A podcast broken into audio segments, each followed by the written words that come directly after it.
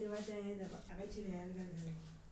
אחת לומדת, אחת יש לה באולם, בעלי בעבודה. כלום, אני והבית. הבית זה אני. וכולם הגיעו בסוף, כל אחד עושה משהו אחר. אף אחד לא רואה. כלים, שניצלים, זה אמרתי גם אני אשם. אבל אנחנו הרגלנו, אנחנו הרגלנו אותם. עודף מרץ. רק אמרתי את זה, אמא מצליחה. אין, זה היה מדהים. ובעלי אמר, לא, יש לי שיעור אחרת, הייתי מקפל את כל הכביסה פה וזה.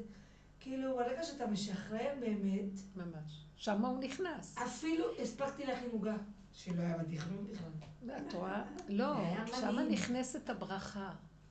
זה לא בדרך טבע. אבל... שרפתי כל היום עם המחשבות, כן, זה לא היה לי קל. אנחנו פועלים עם תוכנית אחרת, תוכנית חשיבה שהיא גלות. זה תוכנת עץ הדת. אני מאז שאמרת פעם שעברה שהיינו אצלך בשמיני, אני כבר לא זוכרת הימים. בשמחת תורה? כן, כן, כן, ביום שנה הבא. ודיברת על השבת. אני פשוט כבר עברו מאז כמה, שבועיים, שלוש? כמה, כמה שבתות, כמה מאז השיעורים? כמעט חודש. כן, אבל כשאין השיעורים לך באמצע. תמיד הזכרת שבת, אני כבר מכניסה שבתות ברוגע. לפני שבועיים הייתי בהלם מזה שלא אחד. לא צקתי על אף אחד. כאילו, סבבה. שבוע שעבר גמרתי לבשל, בבוקר, לך מבשלת עד הרגע האחרון, בבוקר סיימתי, אמרתי, איזה כיף. אז אני צריכה להמשיך אני רוצה להגיד לכם, זה לא רק השבת. זה כל דבר, צורת החיים שלנו שהיא התודעה של עץ הדעת. היא תמיד שם, שם, שם, השבת שם, צריך להיות... ואז תמיד יש מתח ולחץ להגיע לשם. כי יש המון מניעות פה, לשם. אני בדיוק אמרתי, אנחנו אומרים אה, לא מעבר לים, בפרשת ניצבים, לא בארץ רחוקה, לא מעבר לים, לא בשמיים היא, בפיך ובלבבך לעשותו. זאת אומרת, כל מציאות, האמת הפשוטה או המצווה שאנחנו עושים, היא כאן ועכשיו. אז אנחנו לא אומרים שלא צריך שבת. מרוב ייאוש, אנשים לא רוצים להכין, רוצים נלך למלון. אפשר להכין. אבל כל, כל צריך להיות במציאות של התמעטות, התקטנות, דיוק, ולא לתת למוח שלי לסחוב אותי לשם. ואני באה להכין שבת, השבת מסייעת לי להכין אותה. זה אינטראקציה ביני לבינה.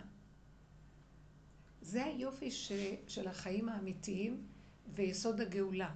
עד אליך, המן מגיע עד לפתח הבית, הכל מגיע עד אליך בכבוד. אתה לא צריך לרוץ. אנחנו מושיטים יד, אנחנו עושים פעולות, כי זה עולם המעשה והתנועה. אבל לא מתוך תודעה של לחץ, מתח שערה, אה, מעבר לים וכן הלאה. זה פה. באמת שכתוב לא, באר, לא בשמיים, שזה לא ברוחני, גם הרוחני הוא דמיון. לא בשמיים. הרוחני זה דמיון. זה דמיון. גם ברוחני הוא דמיון. כי כאילו אנחנו אומרים ענן יעוף, ענן קלה, רוח יעוף, כן? אז, אז, אז הוא אומר שם, לא, לא בשמיים, לא, מעב, לא בארץ רחוקה. בשמיים זה הרוחני הזה, עפים ברמה רוחנית. מה זה לא בארץ רחוקה?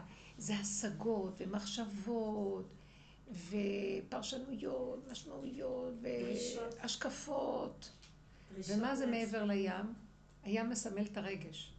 זה לא בסערה, שנעבור בסערה ונשיג על ידי סערת הנפש.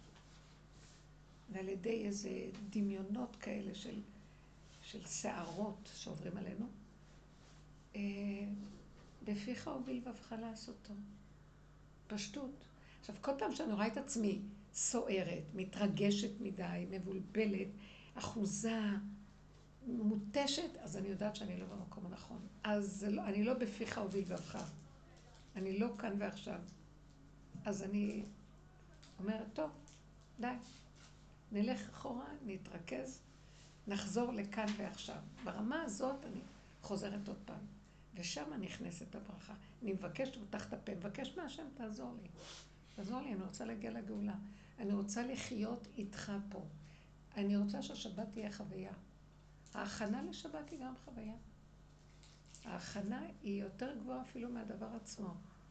היא המקום שממש אני מכינה את עצמי לחיבור אז לכן, אבל שלפחות יהיה לי כיוון. אז הכיוון הוא בעצם הפוך, מה שרחוק שם, אלא יותר ויותר פנימה. יותר ויותר להתקרב לעצמי. וזה הדבר שאנחנו צריכים ללמוד. בדרך הזאת אנחנו לומדים כל דבר. בחינוך הילדים, זה בהורות, בזוגיות. הדבר נמצא אצלי. לפעמים באות אליי בנות עם כל מיני שערות רגשיות, על כל מיני בעיות שיש להן, כן? ואז מספרות כל מיני פרטים ועניינים, ואז אני, ואני שואלת אותה, ומה איתך? אז היא לא שומעת את השאלה, כאילו, אני מספרת לך. לא, מה איתך? איתך, עצמך. מה איתך? אז הוא יכול לדבר על ההוא, ויכול לדבר על העניינים ועל כל... אבל מה איתך? אז כשאנחנו מסתכלים, היא לא יודעת מה איתה, היא לא בטוחה מה היא. היא יודעת שזה מפריע לה, וההוא לא נראה לה, והיא לא בטוחה אם זה או זה. מה איתך? אז אני, אני ממקדת אותה להתבונן איך היא נראית, סוערת, מבוהלת. כי היא מדברת כל הזמן על השני ומצדיקה. הוא ככה, זאת ככה, עשיתי שם וככה וככה הם עשו. אז מה איתך? איך את רואה? תצלמי את עצמך, מה את רואה? כעס, רוגז, סערה, בלבול, מתח, חרדה. את רוצה להמשיך להיות שם? לא. שווה לך כל הדברים שאת הולכת עכשיו לתאר לי החיים? לא שווה לך, נכון? את תשיגי קשר יותר טוב עם אותו אחד שמרגיז אותך? לא. אז כל הישועה מתחילה מעצמך. כנסי לעצמך מחדש. תישארי במקום איפה שאת נמצאת, ושמה תתמקדי ותתבונני. וזה דבר גדול, ההתבוננות העצמית. איך אני באותו רגע של התנסות, מה מצבי הנפשי, הרגשי, השכלי, הגופני, כל המרכזים של האדם, בוא נגיד השכלי, הרגשי והגופני. מה מצבי? שם יש ישוע לבן אדם. זה לא בשכל של הדבר, הוא רחוק. אז הן באות לספר לי, תמיד שבאות בשיחה, יש לי בעיה, בוא נניח בין בני הזוג או עם ילד, מתחילה לספר לי על הילד ועל הבעיות שלו ועל הכאבים שיש לה ממנו. אז היא אומרת, בעצם, אם לא היה הילד עושה ככה, לא היה לי כאבים. ואז אני אומרת, לא, לא, לא, הכאבים נמצאים בתוכך. יש לך נקודה שהילד רק מעורר להסתכל. אז מה איתך את? אז איך תדעי מי את? אני מגיבה בסערה, בבהלה, בחרדה, בכעס. תשימו לב לתגובות, זה מה שאני רוצה להגיד. אני הולכת לבשל לשבת, תשימו לב כמה לחץ. אני, אני מתקיפה את הבישול, בכמה לחץ אני מתקיפה את העניין שנקרא הכנה לשבת. אז אני נמצאת במציאות של לחץ. אני מצדיקה, זה בגלל השבת. מי שמחפש אמת, מפסיק להצטדק. כי אמת זה משהו אחר, והצטדקות זה משהו אחר. מה ההבדל בין אמת לצדק? אמת מארץ תצמח, צדק משמיים נשכב. צדק זה הרעיון של הדבר. את רוצה להיות צודקת, את מתווכחת, מתנצחת. את רוצה לדבר על הדבר, להגיד. מה זה אמת? זה לא נמצא ברעיון. האמת נמצאת בדבר עצמו. מארץ תצמח. איך שזה ככה. אבל הוא לא צודק. נכון, זה הצדק שבדבר, הוא לא צודק. הרעיון נכון, הוא לא צודק. אבל את מה? האמת נמצאת בתוכך, היא למטה, היא לא במחשבה עליו. מה את? אני כועסת. שם נמצאת האמת. אז היא אומרת לי, אבל זה בגללו? לא. האמת, תמיד יש לך כעס, בפנים הוא רק גרם שזה יצא. אז בואו נתחיל להסתכל על החיים אחרת. שימו לב איזה יופי. מתחילה לראות את עצמך. עכשיו, זה מאוד קשה בתרבות שלנו, של עץ הדת, שהיא מאוד מוחצנת, והיא כל הזמן זזה מימין לשמאל, לשמאל, מלמעלה למטה. לעצור ולהיכנס פנימה, ולא להאשים אף אחד, לא להסתכל על אף אחד, רק על עצמי. זה מאוד קשה. מאוד קשה. כי שם אבל נמצאת הישועה שלי. אם אני נכנסת שם, נמצאת הישועה.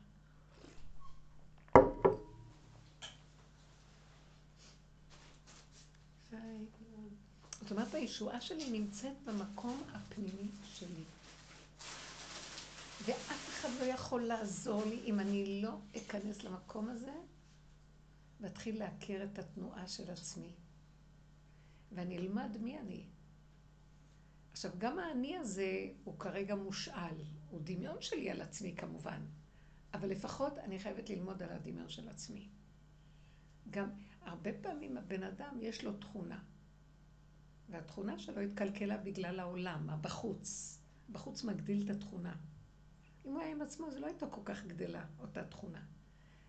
אז, אה, אני, אז לזה אני קוראת השקרים, האישיות של השקר של עצמי, התפתחה כתוצאה מהבחוץ. כי אם אני הייתי לבד עם התכונה שלי כמו תינוק, לא הייתי משקרת. בחוץ מכריח אותי להתרחב, ואז אני לא נאמן לנקודה של הנפש שלי, אז איבדתי אותה. אז אני לא יודע מי אני. כרגע אני שלי הוא בהתאם לבחוץ. והוא לא אני אמיתי, אבל אני מתחיל לחקור אותו.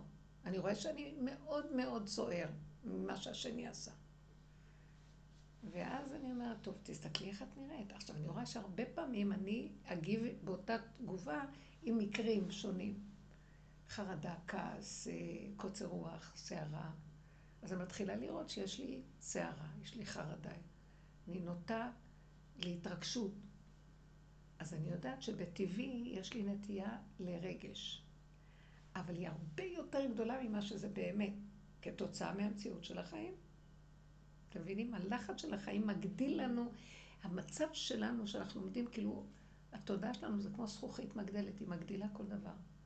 מדבר הכי קטן אנחנו עושים, אה, נו, אחרי רגע זה יעבור, זה לא נורא. אבל באותו רגע זה נראה סוף העולם. ואם היינו רגע מתאפקים ולא מגיבים וחוזרים לאחור כדי להגיע ל...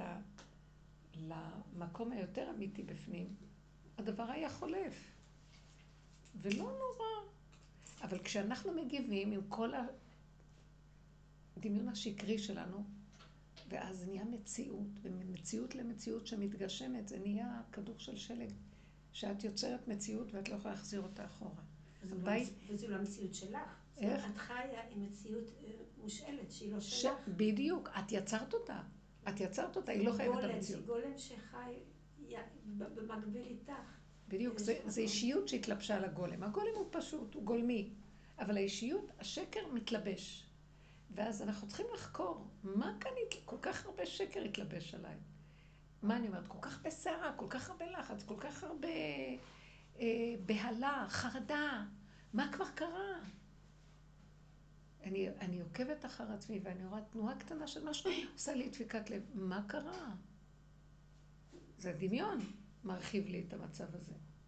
אז ככל שאני רואה איך אני נראית, אני יותר ויותר נכנסת פנימה, אני מבינה שהסכנה שלי זה התגובתיות המהירה, ושאין לי איפוק, ואין לי יכולת להכיל כלום, ושאני אה, לא יודעת לעצור. אני, אנחנו ממש בלא רסן. כמה שאנחנו מרגישים שאנחנו תרבותיים, אנחנו מיד מגיבים. וזה דבר שהוא מאוד מאוד עוזר לי לאפק, להסתכל. אין לי סבלנות, אני רוצה מהר את, את הדבר. לא יודעת לשאת, לסבל, להכיל. אתם יודעים איזה חקירה מדהימה להסתכל על האדם? אנחנו, הגאולה לא נמצאת פה, בתודעה של העולם. בוא נגיד עוד 800 תהילים, ובואו נלך, אה, נעשה את התהילים אה, העולמי, לא יודעת מה. הגאולה נמצאת בתוכנו, ביחידה הקטנה, לאחר שאת מפרקת את כל ההבלים של השקר שלך, הדמיונות. ואת נשארת עם התכונה קטנה כמו ילד קטן. שמה, שמה השכינה בתוכך קמה. יש כוח של אור אלוקי פנימי בתוך האדם, והוא בגלות. שכינה בגלות. היא צומחת מלמטה, צמח דוד עבדך תצמיח. היא צומח מלמטה. מבחינה של נחל נובע מקור חוכמה. מעיין בוקע מבית השם, כתוב מבית השיטים. זה המקום שאנחנו הולכים לחפש אותו. שמה המקור של החיות שלי. ואני הולכת ועוזבת את הכל והולכת בעולם, ונתקלים ועוד פעם ועוד פעם. אז לכן מאורעות החיים שלנו, אנחנו חוקרים אותם ולומדים על עצמנו. כל אחד והחיים שלו איכשהו. אם זה אני והשבת שלי, אני והילד, ואני והבעל, ואני והחברות, ואני והעולם. אני, אני חושבת שעיקר האדם זה, זה כאילו, החקירה של נפשו היא, היא מרתקת. זה יותר מאשר לחקור את החלל. כי זה, זה ריחוף. זה לא מחייב אותי בכלום. אני, אני כל הזמן חי עם דמיון ונתונים כאלה של... דמ... כאילו דמיון רוחני מסוים, וגם יש ידע שם. אבל אף אחד לא יכול להוכיח לי את זה מאוד, הכל תיאוריות. כאן זה על בשרי. איזה הוא גיבור יותר מלוכד עיר. אדם יכול להיות מנהיג ולוכד עיר, אבל איזה הוא גיבור הכובש את יצרו. רגע אחד שרואה את מציאותו, זה יותר מכל דבר אחר. אמר את זה שלמה המלך בחוכמתו. אני יכולה להפריע? כן, כן. קשר לחרדה. אני ישר אדבר על עצמי כי אין טעם לדבר בצורה וירטואלית. יש לי חרדות. כן. וגם, וגם כאשר אני כאילו הסתכלתי עליה והתבוננתי בה, יש, אני, יש בתוכי. וגם אחרי שעשיתי, עשיתי את ה, כאילו את, ה, את, את, ה, את ההבחנה, ו, ו, ואפילו כאילו נגעתי בה, עדיין נכון. החרדה תישאר. למשל, אתן לך דוגמה, נכון. אני מפחדת מרוח חזקה. ו, ו, ואני לא יודעת למה. כנראה שזה מילדות. יש לי תחושה שזה, לקחו אותי על שפת הים בחורף, ואו שאנשים נבהלו, יש לי חרדה מאוד גדולה מרוח חזקה. עכשיו, זה לא יחלוף. ואני חושבת שאני, אולי יותר נכון לומר, נכון, זה דבר לא מוסבר, זה דבר לא הגיוני, אבל זה פה וזה איתי, ואני, אחיה את זה, זה חיה לידי. זאת אומרת, לא כל, דבר, לא כל דבר אני מרגישה, אם אני באמת אפרט את זה, ואני כאילו אצמצם את זה, ובאמת אהיה ביני, ביני לבין עצמי, ולא באמת עם כל התפאורה מסביב. יחד עם זה, אני, אני, יש דברים שאני לא יכולה להעלים. שנמצאים בי. אני אגיד לך משהו. סליחה, זאת עבודה מאוד מאוד עמוקה. בקשר כן, שאומרת. כן. חרדה זה במחשבה. נכון? חרדה זה במחשבה, זה לא משהו מוחשי. זה לא, זה לא, זה, זה משהו, הכל במחשבה, הכל בא בעצם, זה, אבל זה, זה, זה משהו שפתאום מתפרץ, זה, זה דבר שנמצא אולי מאחורי המחשבה, וכשזה מופיע, זה נמצא, זה ישנו. אז אני לא יודעת להגיד אם זה מחשבה או זה ישנו. כן, זה קיים, זה מחשבה. השאלה היא, אנחנו יכולים לתכנת את המחשבה. אוקיי, אז יש רוח חזקה, אז מה? אז זה בדיוק העניין. כן, אז זה בדיוק העניין. זה לא כל כך פשוט את צודקת. אז מה, רק מגביר את העניין. כי כשאמרתי, אז מה, אני לא מתייחסת אליך, אתה לא נמצא, אני זורק אותך בחלום. זרקת אותי מהחלום, אני נכנסת מהדלת. נכון. זה לא עובד ככה. זה לא עובד כל כך מהר. אני אגיד לך משהו. לא, אז אני רוצה רגע להגיד נקודה. בואו נחקור את זה יותר פנימה. כן, היא צודקת. זאת אומרת, את אומרת דבר נכון, גם זה דבר נכון, אבל כאן יש דבר מהותי. הפחד, יש שתי תכונות אה, שורשיות שמהן כל, כל הבסיס של המידות והתכונות. פחד ואהבה. יראה ואהבה, מה שאמרו. עכשיו, מאיפה נוצר, מאיפה הפחד והיראה? בוא נגיד, אהבה היא החלק של החיבור והאהבה. חיבור ולכידות ואחדות, אהבה. שהבורא יתברך בתוך מציאותו מלא אהבה. חפץ השם יתברך לברוא עולם. אז הוא יצא, הוא הוציא איזה נקודה מעצמו והוציא אותה חוצית לו. הרגע שעלה במחשבתו לברוא בריאה, כבר נהיה שתיים.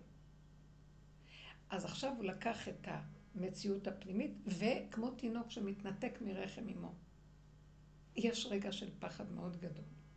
אז מתחת לכל התכונות שיש לנו, שהן, אפשר לסווג אותן במציאות האדם, כי הבורא הוא אהבה שאי אפשר להכיל, אבל ברגע שהתנתקנו ונהיינו נבראים, בריאה, נבראים, יש פחד תמידי בעולם. זה נקרא תולה ארץ על בלימה. אנחנו נמצאת בעצם, אין לנו במה להאחז, ואנחנו במצב של ניתוק, אבל לא ניתוק ממש. כי את רואה, הארץ עומדת כאילו, על מה היא נעה, אבל היא מחוברת, רק אנחנו לא רואים. זה שהם לא רואים ולא יודעים איך יוצר משהו של חרדה. אז תמיד זה מלווה את האדם. אז עכשיו, היסוד הראשוני הזה תמיד קיים באדם.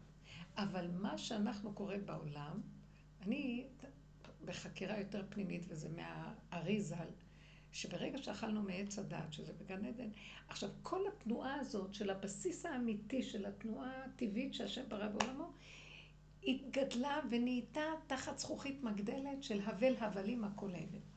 זאת אומרת, הפחד הזה, שהוא יסוד קיומי קיים, הוא התרחב ונכנס להרבה מציאויות. אז הפחד הזה, עכשיו הוא בלתי נשלט מאוד גדול. יש בו הרבה דמיונות, הרבה חרדות, פחד מכל מיני דברים. פחד במחשבות, פחד בהרגשות, פחד בכלי המעשה. כל הזמן יש פחד. כשאנחנו תחת השפעת תודעת עץ הדת, הפחד הוא נורא ואיום. עכשיו, לקראת הסוף עכשיו, שהסוף של התוכנית של העולם,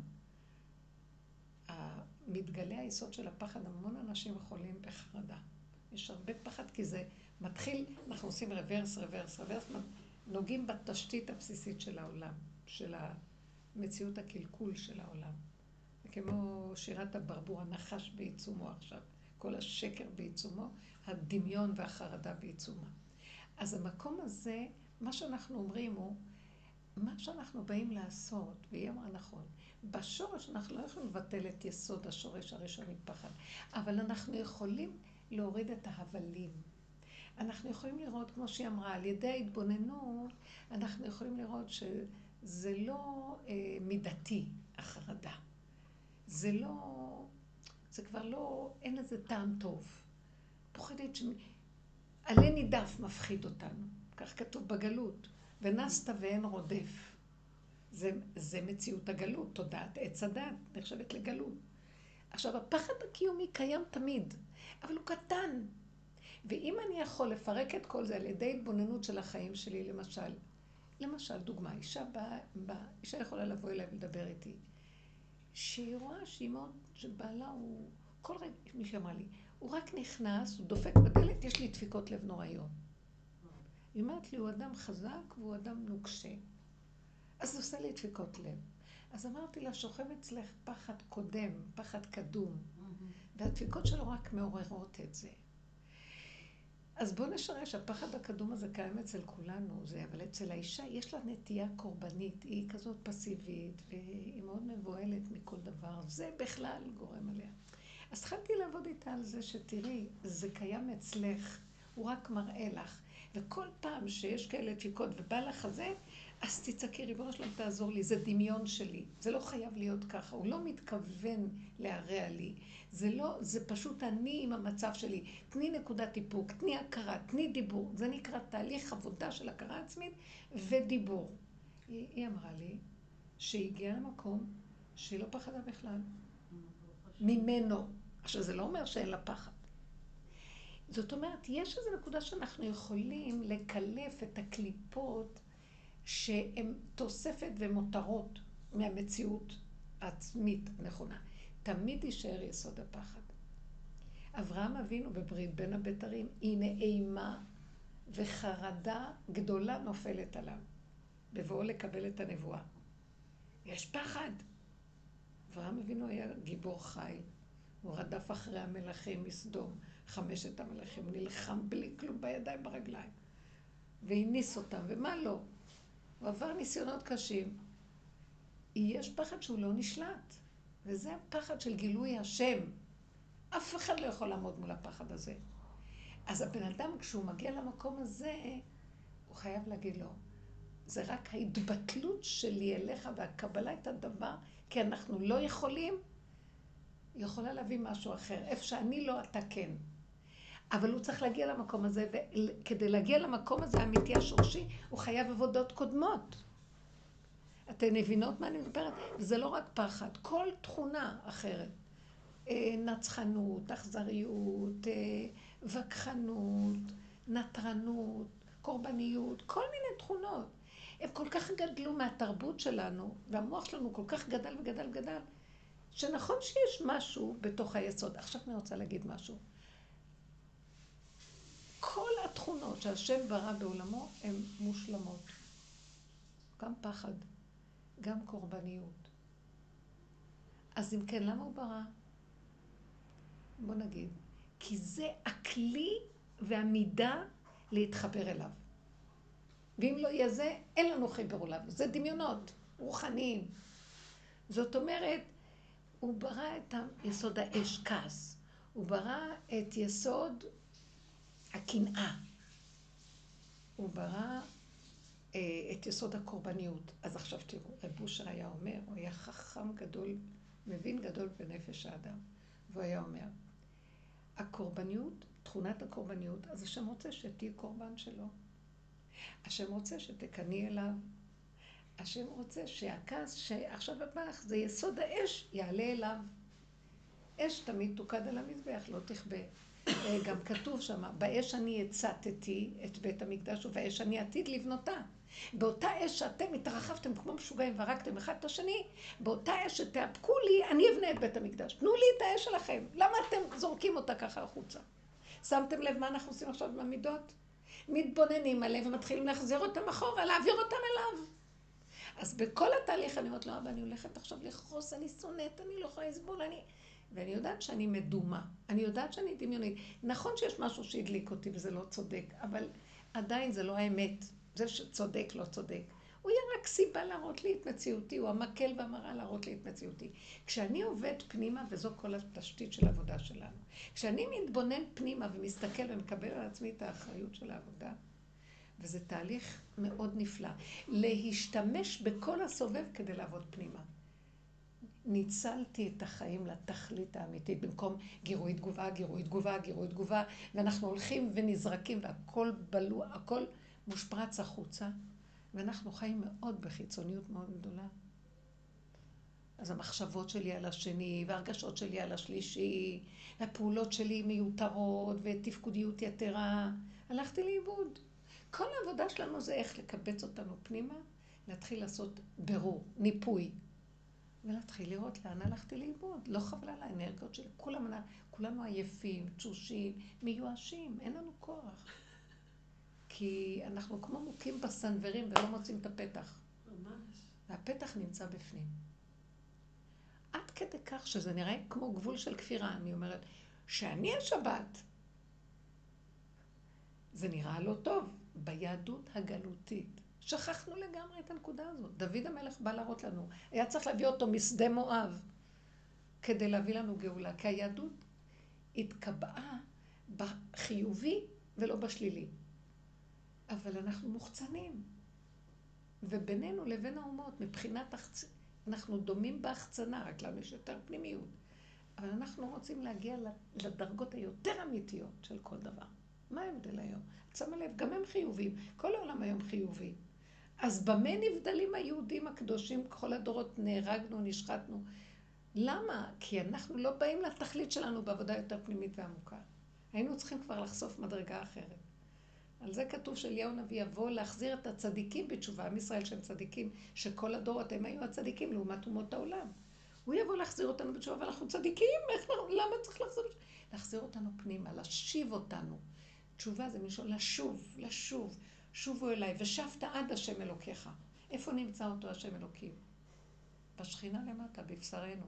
זה לא יאומן כי לא בשמיים היא ולא מעבר להם. זה הכל כתוב פרשת ניצבים. כן? ושבת עד השם אלוקיך. שזה נמצא אחורה. עכשיו ההתבוננות, כשאני רואה את עצמי, איך אני מגיבה וזה, מתחיל להקטין את הפחד, להקטין את הכעס, להקטין, התגובות מתקטנות. גם אני נהיית עייפה. ההתבוננות מתישה. כמו שאת שמה פנס על חיה והיא נבהלת ונכנסת פנימה, הדמיון מתחיל להתמעט, כי הוא דמיון. ואז הוא הולך לאיבוד. הפלא הנורא הזה, שאני כל הזמן מסתכלת על העניין של, של התכונות של היטלר, גרמניה הייתה נאורה ביותר. חיובית. תראו מה יצא מהחיובי. תראו מה יצא, היא הייתה... גרמניה, גרמנית הייתה השפה המדוברת באירופה בתחילת המאה. היא הייתה הארץ הכי תרבותית, הכי למדן, מלומדת, הכי משכילה, הכי עשירה, לא יודעת מה, הכל היה שם. מה יצא מהחיובי הזה? ולכן אני אומרת, אנחנו מסתכלים, כי זה היה חיובית חיצונית. אם נסתכל בתוך החיובי פנימה לעצמנו, אני באה לכעוס על השני, אני אומרת, אני יותר, אני יותר טובה ממנו. אם אני אחשוף את מה שיש בתוכי, לא הייתי אומר שאני יותר טובה מאף אחד. בשביל זה שלחו לי את הרע הזה, שאני אראה את עצמי. אני, אני מאוד בעד שנבין שאם אנחנו תופסים את השלילה, את הפגם של עצמנו, שזה ההבלים שיושבים על התכונה, זה נקרא פגם. תכונה בסיסית.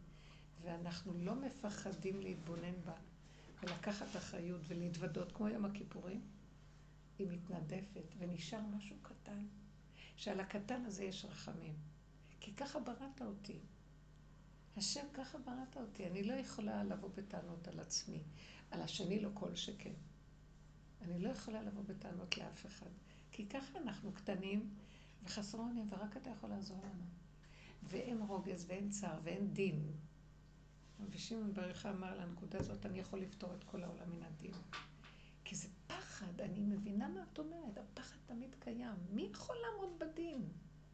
לא יצדק לפניך כל חי. אני לא יכולה לעמוד בכלום, לא רק בדין. עכשיו אני רק רואה שמשהו מתחיל להרגיז אותי, אמרתי, לא, לא, לא, לא, אין לי כוח להיכנס בכעס הזה. אין לי כוח לחיות את החיה הזאת. לא רוצה. למדתי להיכנס לגבול, הגבוליות היא מאוד טובה, הקטנות, הגבוליות. שמה יש גילוי השם. דוד הקטן. ההתמעטות הזאת, אבל זה על ידי ההתבוננות בתוואים ובמידות.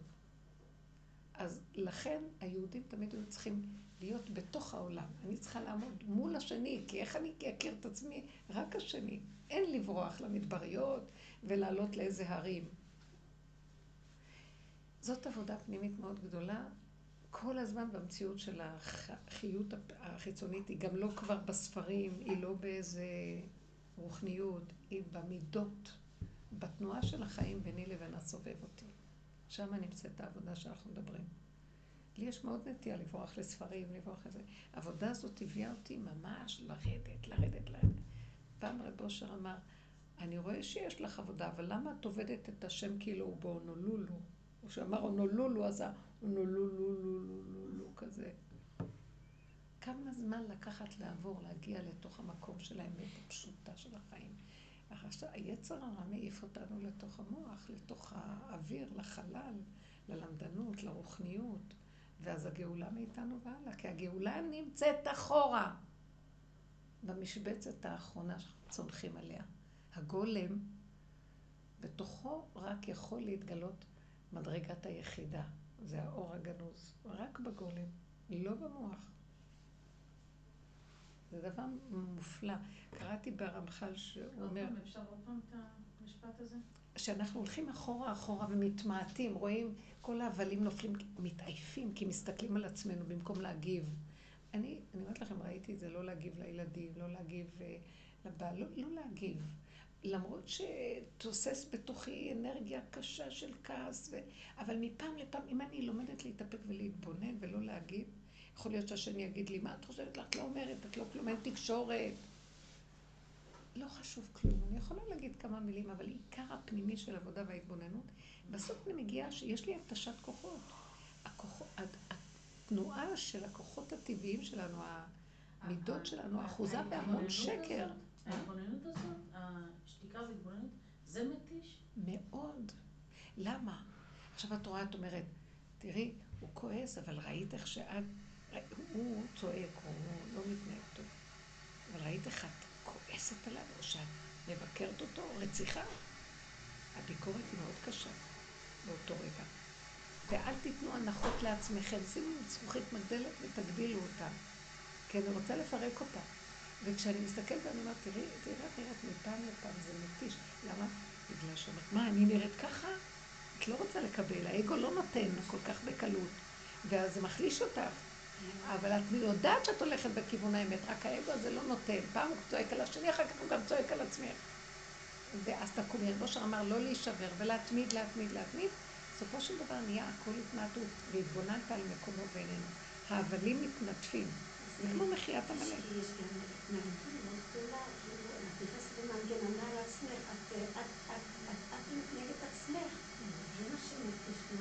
התנגדות מאוד מה פתאום אני לא בסדר? אני בסדר. אבל את לא בסדר, אני בסדר. זאת אומרת, זה, צריך כאן בגרות נפשית לדעת לקבל, לא להישבר, ולהגיד לעצמך, מותק, אני רוצה לגאול אותך, אל תתגונני. מה? את אומרת, לא, אבל אני לא עשיתי את זה. תגידי את האמת, זה בסדר, אני אוהב אותך, רק תגידי את האמת, זה טוב, תגידי את האמת. את מבינה? את כאילו מחבקת את הנפש שלך, שהיא כמו ילדה קטנה מתכסה ומתגוננת ובורחת. והיא לעולם לא נוגעת בנקודה. וחוזר חלילה. כל הזמן רודפים אחרינו כוחות. ומנסים אותנו.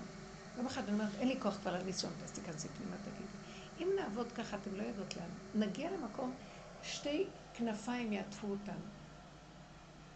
ויהיה לנו שלוות הנפש, רגיעות, השלמה, קבלה, הכנעה.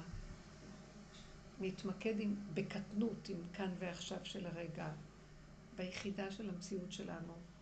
אין ריבוי, אין בלבולים, כי ככה, זה בסדר גמור הכל. זה התיקון האמיתי. ממש. זה התיקון. אתם לא יודעים כמה הנפש שלנו עייפה. זה קרה לי לפני שבוע, עשיתי משהו לא בסדר. והתגובה גם, כששמעתי מה הייתה התגובה, הייתי מוכנה לקרוא את עצמי. זה לקח לי, נסענו בנסיעה, ואני כל הזמן אני חשבתי שאני, הלב שלי יוצא לי מהגוף. אני לא יודעת, הייתי בכזאת, בקושי יכולתי לנשום. אבל את הנסיעה הייתה בת שעה, ובתוך השעה הזו, והנסיעה והכל, אז אמרתי לעצמי, אוקיי, את פישלת, פישלת בגדול, ואת תחזרי הביתה, ותלכי הערב, את לא יכולה ללכת ולתת לך חיבוק מחר בבוקר. תלכי, תתני לך חיבוק ותתנצלי, תגידי, סליחה, מחילה, מחילה, מחילה. ובאמת זה היה תיקון, זה היה תיקון גדול. איזה יפה, תראי איזה רגישות. עכשיו, אני רוצה להגיד לך דבר יותר עמוק מזה. אפילו היא לא קיימת. במאבק שלי אני רק רואה את עצמי, איך אני מתביישת, מה עשיתי? ואני דנה ושופטת את עצמי, וזה שובר אותי. כי זה שובר את התדמית שלי בעיני עצמי, איך אני נראיתי לשני. שימו לב איך השופטנות הזאת, האמת, האמת, שבאמת, גם את זה אנחנו צריכים לפרק ולהגיד, אה, נכון, אני לא יכולה לישון, והצער שאני לא יכולה לישון מה, מהשבירה הזאת, מביא אותי למקום שאני אגיד, אז תקבלי שעשית, אז אמרת. אז uh, את גרועה. אז זה נכון שמשהו יורד, ואני מסכימה שאני לא נחשבת טוב בעיניה. אני מסכימה. אפילו אני לא חושבת שמחר אני אלך להגיד לה, תסלחי לי. גם לא צריך אפילו להתנצל, אלא אם כן באמת פגענו. והרבה פעמים אנחנו דנים את עצמנו בלי שאני בכלל שם לב. כי לא נעים לנו מעצמנו לעצמנו. במקום הזה, כשאני עוברת את הגל הזה ואני אומרת לעצמי, אז תסכימי, אבל זה לא פעם ראשונה, אני כל הזמן מפשלת. כי זה מציאות האדם, מציאות האדם שהוא מציאות של נפילה ושבירה, רב אושר היה אומר. ורק הדמיון שלנו אומר, לא, לא, לא, עוד מעט אני אלוקי, חכי, חכי, עוד רגע תראו, וייתם כאלוקים, אני אצליח. לא, אני רוצה לצאת מהמאוימות הזאת של הרצון להיות מושלם. אני לא. זה בסדר. ככל שאני אסכים, אני אפסיק לפשל גם. כי אני כבר לא מאוים. הדבר הזה רודף אחרינו כל הזמן. ואז אני לא, לא צריך להגיד לאף אחד שום דבר, זה בסדר. אז לא הייתי בסדר, אז מה לעשות? כל היום אני ארוץ להגיד סליחה, אחרי רגע עוד פעם אני נופל. זה מנגנון תדיר. זה מתחיל להרגיע לי את הנפש, ואז אני מסכימה שאני חסרה מאוד, לא מושלמת, ואני צוחקת על עצמי, אני לא עושה עניין מכלום. כי אני לא חייבת להוכיח, יורד הדבר, להוכיח לשני, זאת אומרת, כל מה שנכנס בדבר הזה, להוכיח לשני שאני בסדר, כל זה יורד. ממש. אתם לא מבינים, זה מוביל לגאולת הנפש, אתם לא מבינים איזה שקט זה. עיקר החולי של האדם בשיעבוד זה מאוים, מה יגידו? שהוא לא מושלם, שהוא לא נראה כמו שצריך. היום נראה יש מודעות לזה מאוד חזקה. שמה? יש מודעות מאוד חזקה לזה. כל אלה שעושים רעש, אתה כבר מסתכל עליהם בעיניים אחרות. ממש. אני אומרת לכם, הדיבורים שאנחנו מדברים כבר עשרים שנה בכיוונים האלה, את מתחילה לראות בעולם כבר, כן, אנשים מקבלים את עצמם, מתחילים לצחוק גם על עצמם קצת. זה פורים, הכיפורים נהיה פורים. כן, כי זה אדם. לא התכוונתי. גם את יודעת משהו? במקום לדון את עצמנו, אני פשוט רואה שיש איזה שד בתוכנית הזאת שלא נותן לי מנוחה. כל הזמן הוא מתעתע, כל הזמן הוא משגע את הבני אדם. הוא מחפש לו, הוא, הוא גריזיונר, והוא יושב על הכיסא. אה, הוא ראה השם למה תישן לנצח, כאילו השם ישן והוא יושב במקומו. נכון, בתפילות אנחנו אומרים של יום הכיפורים וראש השנה. אה, יש איזה פיוט מלך עליון, אבל מלך אביון, שהוא רד אה, בלאות ובלא נחת, עד מתי ימלוך. יושב לו על הכיסא, משגע את כל העולם. עכשיו במיוחד רואים את זה. זה כאילו, הוא משוגע. סליחה, מה אתה... אז אני מתחילה להבין שזה בעצם לא בשמיים, זה בתוכי, בשמיים שלי. ואז אני אומרת לעצמי, לא רוצה להתרגש ממנו. כשלא מתרגשים ממנו ולא נבהלים, אין לו כוח לשגע אותנו. הוא צריך להתפרנס מאיתנו. אה, את צוחקת, אומרת, כן, לא נכון. כדאי להשקיע בבן אדם הזה. לא כדאי להשקיע. את צוחקת, את צוחקת. את רואה שזה מנגנון שזה מעוות לא יוכל לתקון. למה את לוקחת את זה ברצינות? מתחיל לרדת החרדה, הכעס, כל הנפח הזה הגדול של הדמיון מתחיל להתפרק, ונשאר תכונה קטנה, מתוקה, שהיא בסדר איך שהיא ככה. אין טוב ואין רע אצל השם. כל מה שהוא ברא, הוא ברא לכבודו. תודה. והכל בסדר גמור. זה דבר גדול. אתם לא מבינים איזה גאולת הנפש. לא יכולה להיות גאולה כללית אם אין, אם אנשים לא גואלים את הנקודה שלהם. אם יהיו עשרה כאלה, למשיח יש איפה לשבת. אל תצחקו, אני אומרת לכם, הוא צריך נושא כלים. משיח, הוא ייקח, הוא ייקח את האנשים הפשוטים שצוחקים, שאין להם כוח להיות מאוימים, הם לא עושים עניין מכלום. מאחר והם לא עושים עניין מכלום, אז הם כבר מלמדים זכות על עצמם, מלמדים על השני זכות, ואוהבים. אז אנשים אוהבים, הם אנשים שאוהבים. שהולכים, מחבקים, אוהבים, לא עושים עניין מכלום. זה מתיקות לחיות ככה. עכשיו, אם את רואה סביבה עוינת או משהו, תתקבצי פנימה. לא, את לא חייבת להכניס את הראש בלא הארי. יש שמירה פנימית. זה חיים טובים. זה חיים טובים. וזה לא רק בחוץ, בתוך בני ביתך יש אנשים שמרגיזים, או ילד שמעצבן. כנסי פנימה, לא חייבת להגיב. בתוך הפחד שאת מתארת, למשל, הפחד מהרוח. זה המון ניסיונות, אני מבינה אותך, אני לקחתי הרבה דברים שראיתי בעצמי ואמרתי, דווקא תלכי איפה שיש את הרגע של ההתנסות, וזה הכי קשה בעולם. אני זוכרת שהיה לי, היה, היה לי עמותת חינוך גדולה, והייתי סוחרת מבנים.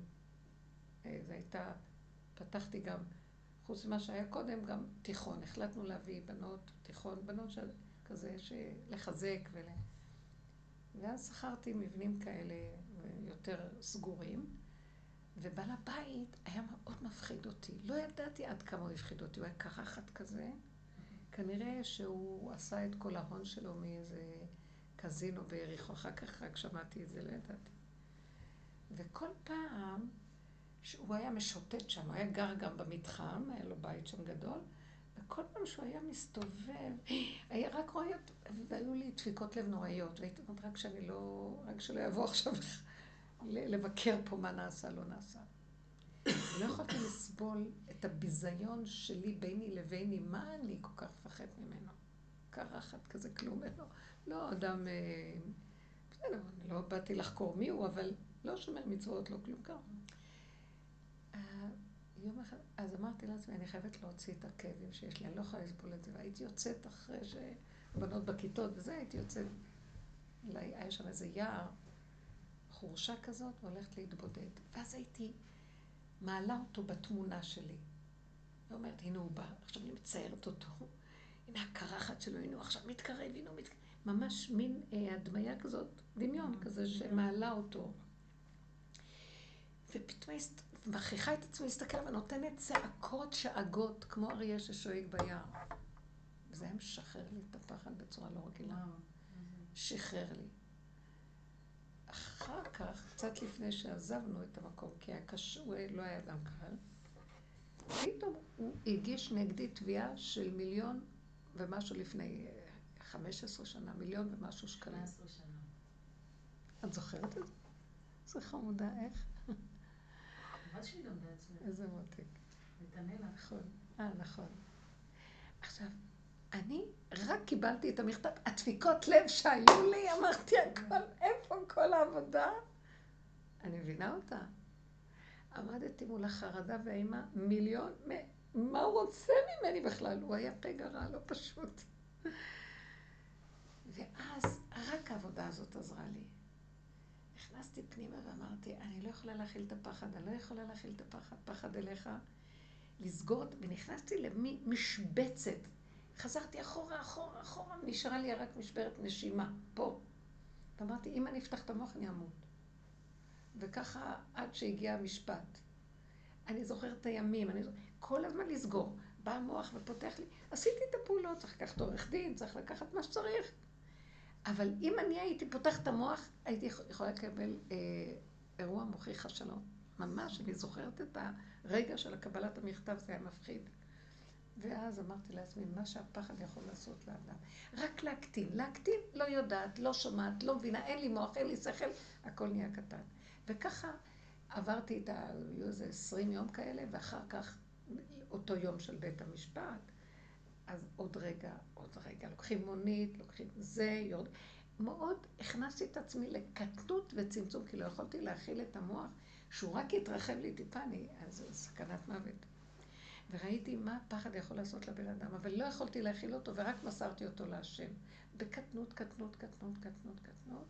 וככה נכנסתי לבית המשפט הזה, שמונה שעות חקירה, על מה? אני לא יודעת, זה היה בורא עולם. רק בורא עולם הכניס אותי לשם, לדעת שאין אף אחד בעולם, רק השם.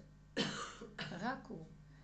והסבלנות הזאת של עוד רגע, ועד שלא הרגשתי את השמונה שעות האלה, כל רגע, עוד רגע, עוד רגע, עוד רגע, ובא לי הפחד, מה הוא אומר? לא רוצה אפילו לחשוב לתוכן של הדברים. יש את מי שמדבר מולו, מה אני צריכה עכשיו? עמדתי בצד. וככה הדבר הזה נגמר. וכל התביעה הזאת נעלמה. התפוגגה? אה? התפוגגה זו? ממש, ממש. זה היה, אני רק ראיתי שזה הכל בידי השם.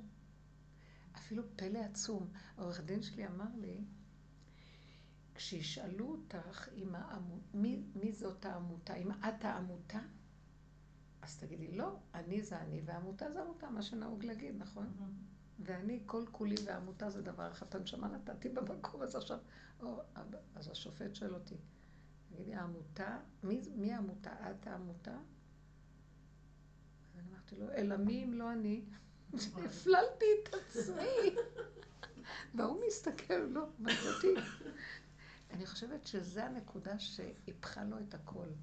הוא ראה שאני תמימה, ואומרת אמת שהיא נגד עצמה, אבל זו האמת שלי. אני ועמותה זה דבר אחד, אתה לא יכול להפריד את זה ממני, את הנשמה מסרתי שם, אם לא עמותה זה אני, אז מי זה? וזה, תראו איך השם סידר את הכל דווקא בנקודת המהפך. אז הוא אמר, זה הרמאי. בפורים. פורים, הכל התרחב. ועוד העורך דין אומר לי, תקשיבי, כשהוא אומר לך את זה, אז תגידי שאת לא עמותה. אני לא הבנתי גם למה הוא אומר, אז לא תפסתי את זה, אבל היום כאן. מה שראיתי זה ההתקטנות, מה שאנחנו עושים, אנחנו לוקחים את כל הדברים הגדולים והדמיונות, מכניסים פנימה פנימה. אני לוקחת את כל הלחץ על השבת. מי זאת השבת הזאת? זה אני. מי את? יד פה, יד פה, נשימה, זה מה שאני. חוץ מזה, היד עושה לכבוד שבת. אז למה כל הסערה הזאת? או אם את בהתעמתות עם איזה בן אדם. אז הוא אמר, אז תראי מה הדמיון שלך עושה שהוא אמר, עוד מעט תתעלפי. אז הוא אמר. אז אה, הכל מתקטן, מתמעט, מתמעט. החיים נראים אחרת לגמרי. תקשיבו, אנחנו יצאנו מכל פרופורציה בגלל הדמיון הזה. אני כאן צועדת בבוקר, אז באמת אמרתי לעצמי, אני אצעד אפילו שיש הרבה רוח, ואני אראה שהעולם לא עף. ואני אומרת, העץ לא עף, והבית לא עף, והלכלוך על הרצפה גם לא עף, גם זה נשאר. ובאמת, העבודה הזאת בדברים הקטנטנים, הם עושים את כל, את כל השינוי. ממש, ממש. זה כזה מין, זה רוגע, זה צריך לעבוד על כן, הרוגע. כן. להרגיע את ה... אני לא מבינה, אני שמעתי עכשיו מה שקורה עם כל החדש... שזה לא הצליח. ועכשיו גם הוציאו, כאילו היועץ המשפטי כבר אומר אה, נגד אה, נתניהו, כאילו הוא כבר... כן. כאילו מדינת ישראל תובעת את, אה, את נתניהו. ולרגע אמרתי, שוב, אני לא יכולה להכיל את זה. ואז אמרתי, איך הבן אדם הזה מכיל את כל מה שקורה? כן. ואז אני, אני יכולה רק להבין דבר אחד, הוא יודע להתמעט בנקודה של קו האמצע. זה לא ייתכן אחרת דבר כזה. מישהו אחר היה לגמרי מאבד את השפיות כבר. כן. הם בדיוק אמרו את זה. אה? בדיוק הם אמרו את זה. איך? בדיוק לפני שבאתם בדיוק דיברו על זה. אז זה לא יכול. להיות. אשתה, אני לא מבינה איך היא צורדת בכלל. היא זה- חזקה, היא מחזיקה את הכל, כן? אני לא כך מכירה את הסיפור שם, אבל זה... זה רגע. לא כוחות, פשוט אה, עצוב, זה לא- פשוט עצוב לראות את זה ככה. זה, היה לי עצוב, אמרתי, אדם שכל כך פעל רבות בשביל המדינה, ומה לא נתן, מה לא עשה, ככה צריכים לדון אותו, על מה? היו לוקחים את כל הראשי הממשלות שלנו עכשיו, לכולם היה תיקים. לא שמה? היו לוקחים את כל הראשי הממשלות, את כל הנשיאים. מה, כל- אין דבר שלא הם היה, אפילו... צדיקים ב- מטהורים, כאילו בואי, בואי, בואי. בוא לפרקליטות, בוא אתם, כל אלה שיושבים שם. אבל מישהו, משהו צריך... כאב לי הלב, אמרתי, ריבונו שלם, איך יכול להיות? אבל זה כל כך לא נכון שזה חלק מהלך מהשם באמת. כי כשהדברים הולכים כל כך אז נגד למה, מה זאת אומרת? אבל אנחנו, הוא שתק הרבה זמן, היה צריך מההתחלה להוקיע את הכל. נתן להם לרכוש, והנחש גדל. כי יש לו איזה כוח של איפוק, והוא ביטל אותם באיזה מקום. לא נתן, לא נתן. אבל זה... עכשיו חייב להיות משהו, אני, אני לא יודעת, אני ממש, יש לי צער. לא רק לך, כולנו. כולם כולם מרגישים את הצער הזה. אז זה לא יכול להיות. צריך למרוד בדבר הזה. מה מה לעשות? לא לתת. איך לא לתת? כל העם צריך לעמוד ולהגיד, אנחנו לא מסכימים למשפט הזה. אנחנו, יש לנו ערך למה שהוא עשה במדינה, מוכלים מולה הכל. לא, ממש. צריך לקום וממש אה, לעשות בעניין הזה. אני בעבודה הפרטית שלי אומרת להשם, ריבונו שלם, מה אני אומרת לו? לא יצדק לפניך כל חי. אי אפשר להיות בכזה תפקיד ולא יהיה איזה משהו. אז, אז מה? אז מה? זה, זה גוף אחר. ממנים פרנס על הציבור, לא קופת של הציבור. ממש, מה הם רוצים? מה היפיפות הדמיונית שלהם? אבל אנחנו לא יכולים לתת את זה. למה אין כאן מרד? יש לי איזה לא, יש משהו. כל כך הרבה דברים שאין כאן מרד, שמקבלים את זה כ... יש הרבה מציאות במדינה פה שהולכים, טוב, לא. לא נכון, אנחנו צריכים, משהו כאן צריך. כנראה. שהשקר, דברים. השקר צריך להיות כל כך גדול, הוא הוא גדול ש-. שהוא- שבאמת, הוא עד כדי כך שזה באמת, זה יטפח בפנים של כולם. אבל הוא כבר זה- קורה, זה- מה מחכים? שמה? אז אולי באמת, אנחנו לא יודעים. אני חושבת שעכשיו צריך. פשוט לפרק את הכל, להגיד, אה, כל המוסדות האלה, הם- אין להם קיום, הם לא- הם לא עובדים נכון. זה שקר, זה הכל משנה. לחנון חנינת עולם את כל אלה ששירתו את הציבור, אפילו שהיה מה שהיה, זהו. זה לא, זה לא צורה. מה, מה זה הדמוקרטיה הדבילית הזאת? אין כבוד, אי לא אפשר לכבד דמוקרטיה. אדם שפועל. אז סליחה, זה גם סכנה למדינה, המצב שלנו נכון, היום. זה- מניפולציה, סכנה, זה לא- אויבים כאלה ואין מנהיג ממש. למדינה ואין כלום, איך מנהיג. יכול להיות? מה, אין אחד? לא יכול, אני לא מבינה. מה צריך לעשות? כואב לי. אולי יהיה מות אה? המשיח. אולי, מי יודע? נכון, זה לא אולי, אנחנו צריכים ללכת עם נקודת אמת מול בורא עולם, זה משיח. אני אומרת שאם השם עשה את זה, השם יודע מה הוא עושה את זה. כן. לא לא- לא- תקשיבי. אני לא יודעת מה זה השם. אסור לנו לחשוב ככה, שהשם יודע. אבל אם זה קרה, ברור שהשם יודע. אני לא אשם. אני בן אדם שכואב לו, ואני לא, לא מוכנה להגיד השם יודע. השם?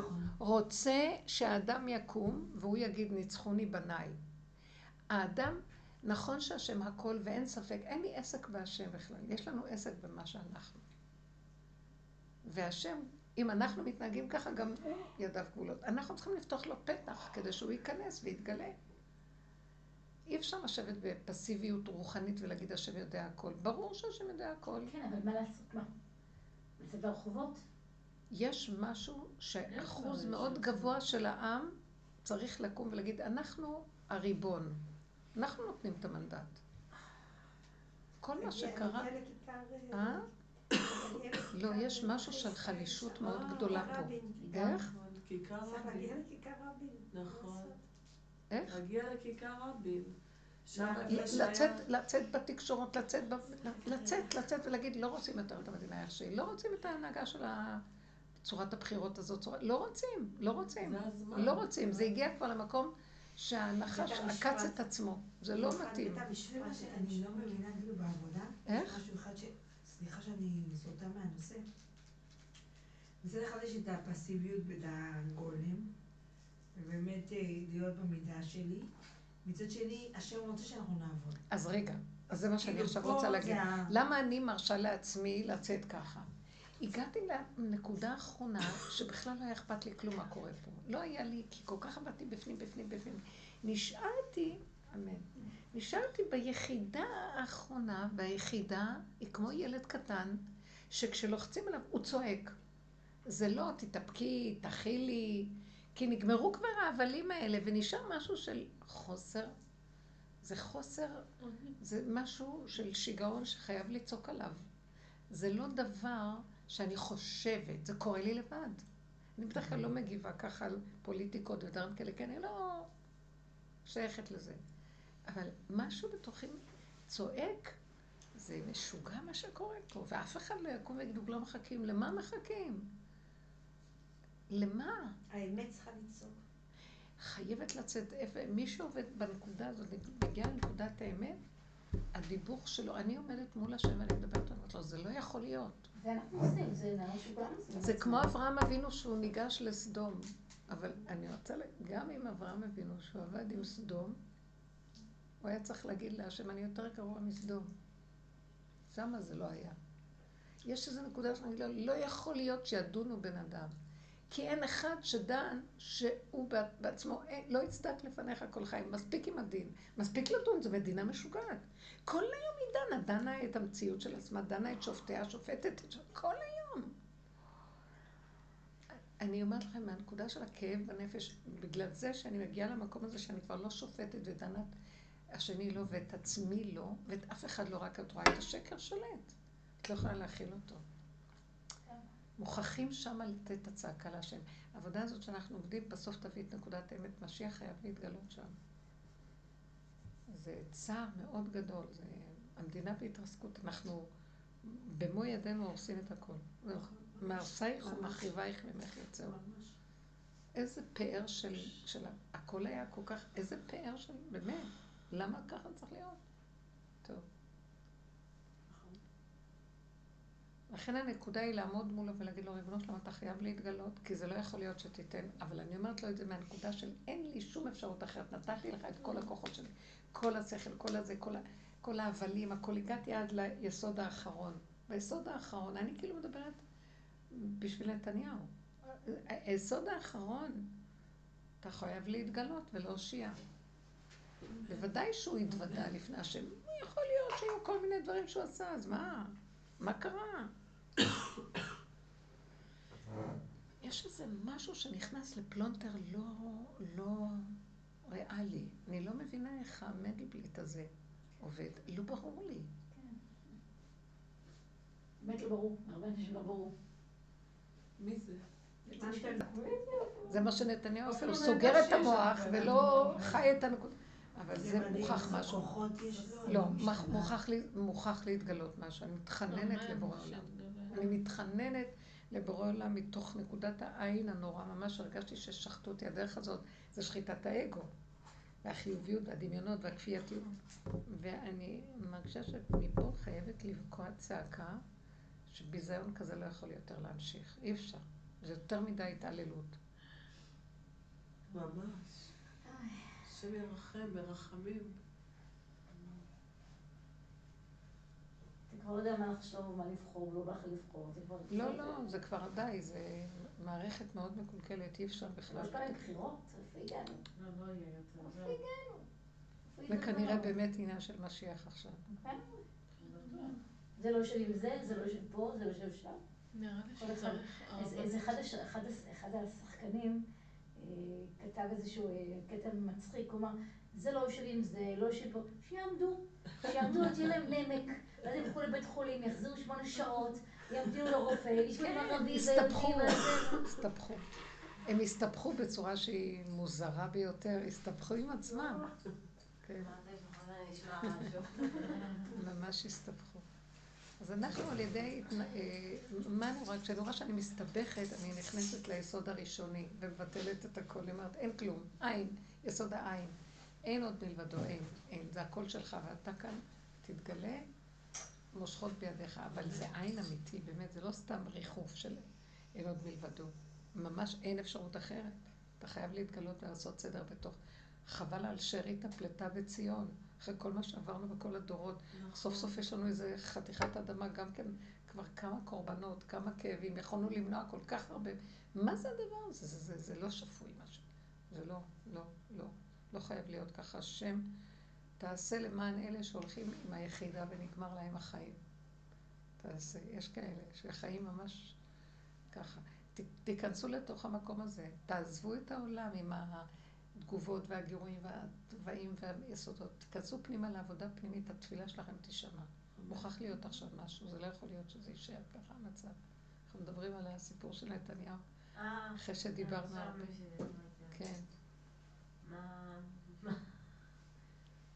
לא, דיברנו על עצמנו בתוך עבודה פנימית שלנו, ומתוך נקודת האמת שהיא אין עונות כלפי, מול השם. מול, אתה בורא עולם. גנבתי לך את המנדט, אני מחזירה אותך בחזרה. אני לא יכולה להרכיב ממשלה. לא יכולים כלום, הכל דמיון. שמתם לב, כלום לא הולך לאף אחד. רק אתה, חייבים שתתגלה. גלה ברחמים. הוא אומר, תנו לי, אה, אתם רוצים שמשיח יתגלה, תביאו לו חמור. מי מוכן להיות החמור ש... אמרתי לו, אני מוכנה. היחידה הזאת. קטנות, אין כוח. אי אפשר להכיל את העולם פה. כל פעם שיש לי איזו נקודה שאני רואה צער פה, אני לא יכולה להכיל. אה, האנשים, קשה להם פה עם כל ה... היוקר המחיה הגדול, לא הוא רוצה להתגלות, רק מחכה שיקראו לו באמת. אה? הוא רוצה להתגלות, רק מחכה שיקראו לו. הוא רוצה להתגלות, הוא רוצה להתגלות. שבמצבים כאלה באמת שעם ישראל, כמו שאתה אומרת. כן, לא, לא להיכנס למה לעשות. לא נכון. תדברו עם השם, תצעקו. תצעקו בנפש. אל תהיו פסיביים. זה להגיד לו, זה לא יכול להיות. תתגלה, תרחם. תפרק, תפרק ברחמים. תנענע, תטלטל, תמשוך את השטיח מלמטה. אי אפשר ככה לאנשים. תתגלה ברחמים. אנחנו רוצים, אי אפשר להמשיך, אנחנו חסרי אונים.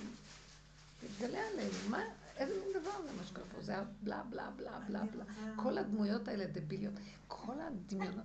לא, אין, אין כאן, אין, מדוע באתי ואין איש. אין איש שאת יכולה להגיד זה. יותר, נתניהו יותר מכולם זה בטוח. אבל אי אפשר להמשיך ככה. מה זה העמידו את כל החבורה הזאת של גנץ וכל החבורה הזאת? לא ברורים מי הם בכלל. מה הם יראו שהם עשו? תביא קבלה אחת. זה פלא, איך בכלל הם קיבלו את כל הסיפור הזה להרכיב שם? זה לא דמוקרטיה כבר, זה דבילי. זה לא שלטון העם, זה השלטון של... שהעם אין לו שליטה ומנצלים אותו, זה לא דמוקרטיה. זה כבר לא דמוקרטיה. שלטון העם זה דבר גדול. זה, זה רעיון, זה, זה מלכות בית דוד, זה דמוקרטיה. שהפשוט, האדם הפשוט מולך. הוא הביא את האנשים הכי פשוטים, דוד המלך, את כל הארכי פרחי, ועשה אותם גדולי עולם. ענבים, צנועים עיניי ביניהם בני ארץ לשבת עם עדים פשוטים. שעברו את כל האיסורים והכאבים והם נכנעו להשם. אלה יכולים למלוך. אז האזרח הוא הממליך. מה הציפור שהולך פה? כל מוסדות הממשלה רקובים, הכל רקוב. מעוות לא יוכל לתקון וחייב להתגלות איזה משהו חדש. תתעקשו בנפש, תרחם, ממש תרחם בעולם. אני אומרת לו על התוואים שלי עם עצמי כשאני נתקלת במצב שאני לא יכולה, אני כבר לא יכולה, מה שלא עשיתי אני לא יכולה. נלחמתי, התווכחתי, רבתי, אז קמתי, נפלתי, אמרתי זה אני, זה לא הוא.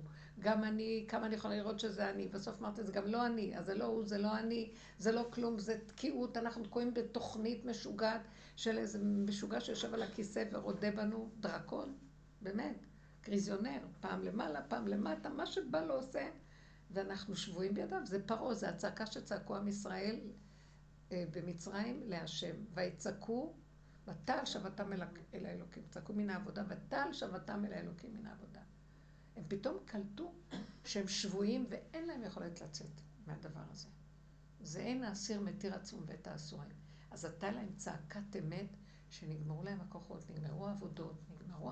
ורק אתה כאן הישועה, תתגלה. אז לא היה כלי שהשם יכול היה להתגלות. אז הוא גילה את עצמו בצורה שעכשיו זה משהו אחר. עכשיו הוא מבקש מהבני אדם אחרי כל התורה של כל הדורות, שיהיה לנו כלים להכיל את המשיח. שהמשיח רוצה חמור לשבת עליו, הוא רוצה את החומר שלנו, את הבהמה שלנו, את הטבע הקטן, שנשארנו קטנים, נקיים ולא יכולים יותר לסבול את החיים. כמו ילד קטן, הוא צריך את זה להתגלות. במצרים לא היה אפילו זה, לא היה להם לא מצוות, לא תורה, לא כלום. ואעבור עלייך וערך מתבוססת בדמייך. עירום ועריה, אין לך כלום. חוץ משתי מצוות ברית מילה שנתנו להם שם, וקורבן פסח, שתי מצוות. ואז הקדוש ברוך הוא התגלה שם. אתם יודעים איך הוא התגלה? בחיפזון. כי הוא יכול היה לרסק אותם. אין להם כלים. כשמתגלה האור האלה, תתגלה, תתגלה, תביא את הגאולה. מה, אני אתגלה, בשנייה אחת אני מרסק את כולכם. טיפת אור שלי מרסק את הכל. מה אתם צועקים גאולה, גאולה? יש לכם כלים? מהו הכלי להכיל את הגאולה? הקטנות, ההכנעה. זאת אומרת ש, שהבן אדם אין לו ישות עצמית. זה זה. איך עובדים לפרק אותה על ידי ההתבוננות ולרדת אחורה? כל החכמים בכל הדורות עבדו בשכל לפרק את השכל העקום של העמלק. ואנחנו, הנשים, צריכות לעבוד עד סוף הדורות עם התוואים והמידות, היסודות של הטבע, מידה. רק זה ישלים את כל התמונה. לכן רק מתוך זה האדם כל כך תשוש ועייף, והוא מבקש יתגלה. על מה אני אתגלה? תתגלה על העין שלי, נתתי לך את כל מה שיש לי, אני לא יכול כבר לחיות פה. כואב לי על מה שקורה פה במדינה. כואב לי, ואין לאל ידי לעשות כלום. אנחנו האזרחים תקועים. היהודים תקועים. מה זה כל הסיפור הזה? המדינה הזאת השתגעה. אסרנו את ה... את הזה לשונאינו, אני לא מבינה, זה אין שכל פה בכלל. שארית הפלטה, אז מה נלך? אני, אני בוחרת את נתניהו, מכל אלה שיש. אם יש משהו אחר שהשם יביא, אבל לא יכולה לסבול שיחשבו לשבת עם הערבים, או שיחלקו את המדינה עוד פעם, או שיתחילו לעשות את כל... כמה קורבנות? צריך, צריך לעשות כאן, להקים כאן איזה... הרב מלובביץ' מאוד בירך אותו, וגם אמר לו שבעזרת השם זה ש... כן, כן. זה שהוא יהיה זה שיביא, שבזמנו יהיה המשיח. כן. הרב מלובביץ' בירך את ביבי נתניהו. ראש הממשלה האחרון. אח שלי היה מאבטח אני ידעתי את זה לפני 15 שנה. הוא אמר שהוא ושרה מדהימים וכל מה שהם אומרים זה שטויות. שמה? אח שלי עבד אצלם באבטחה כמה שנים, וכל מה שהיה על שרה, הוא אמר שזה כל לא נכון, וכל כך בן אדם מקסים. איך יכול להיות? הוא אמר שכאילו כל מה שאומרים זה ממש לא נכון. כאילו בהיכרות האישית שלנו, היה לו... זה לא בעיה בשביל לעשות פוילישטיקים כאלה. לא, לא ראינו שעושים להם, כל מי שנמצא מסתמן כימני. ברור, מה? לא רואים שום דבר, לא עשו כלום.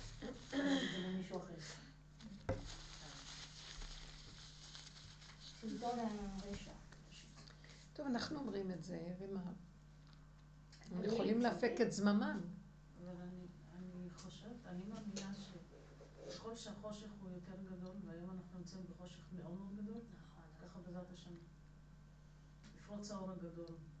מאיפה הגיע דוד המלך? בואו נלך לצעוק בשדות. 28 שנה היה נחשב ממזר.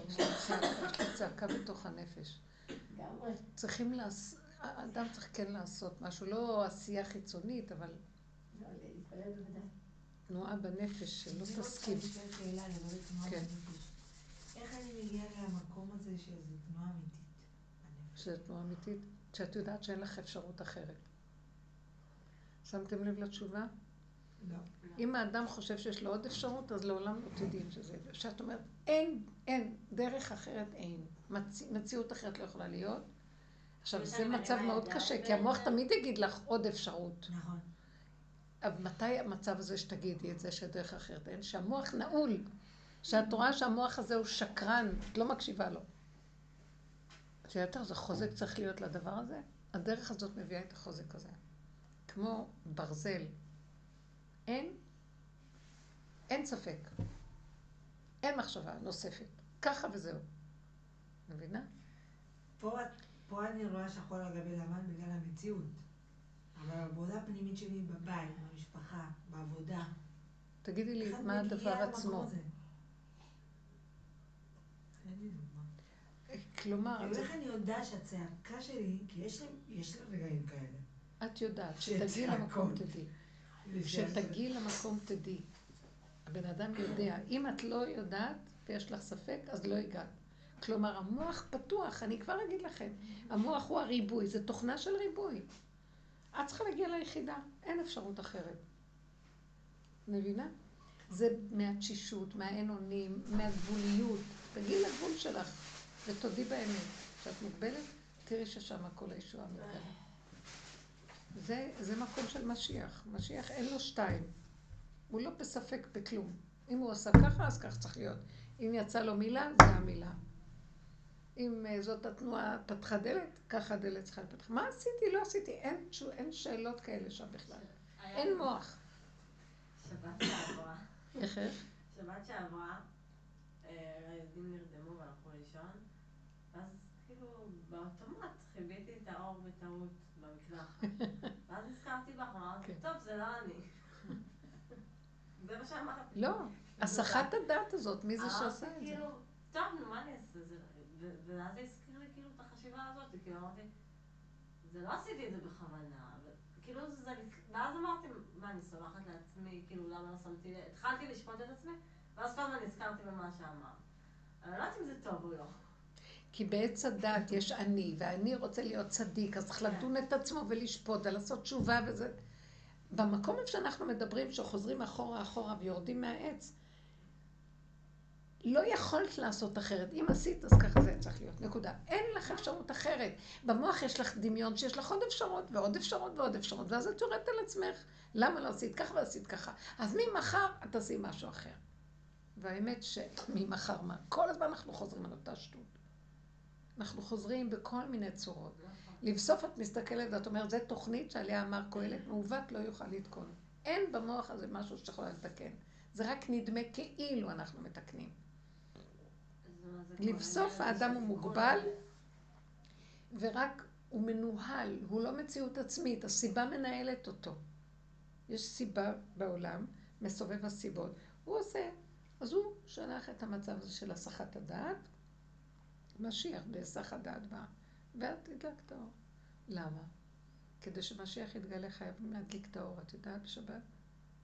אבל אסור לעשות את זה עם דעת. עם דעת את אוי ואבוי, כי הדעת לא מרשה.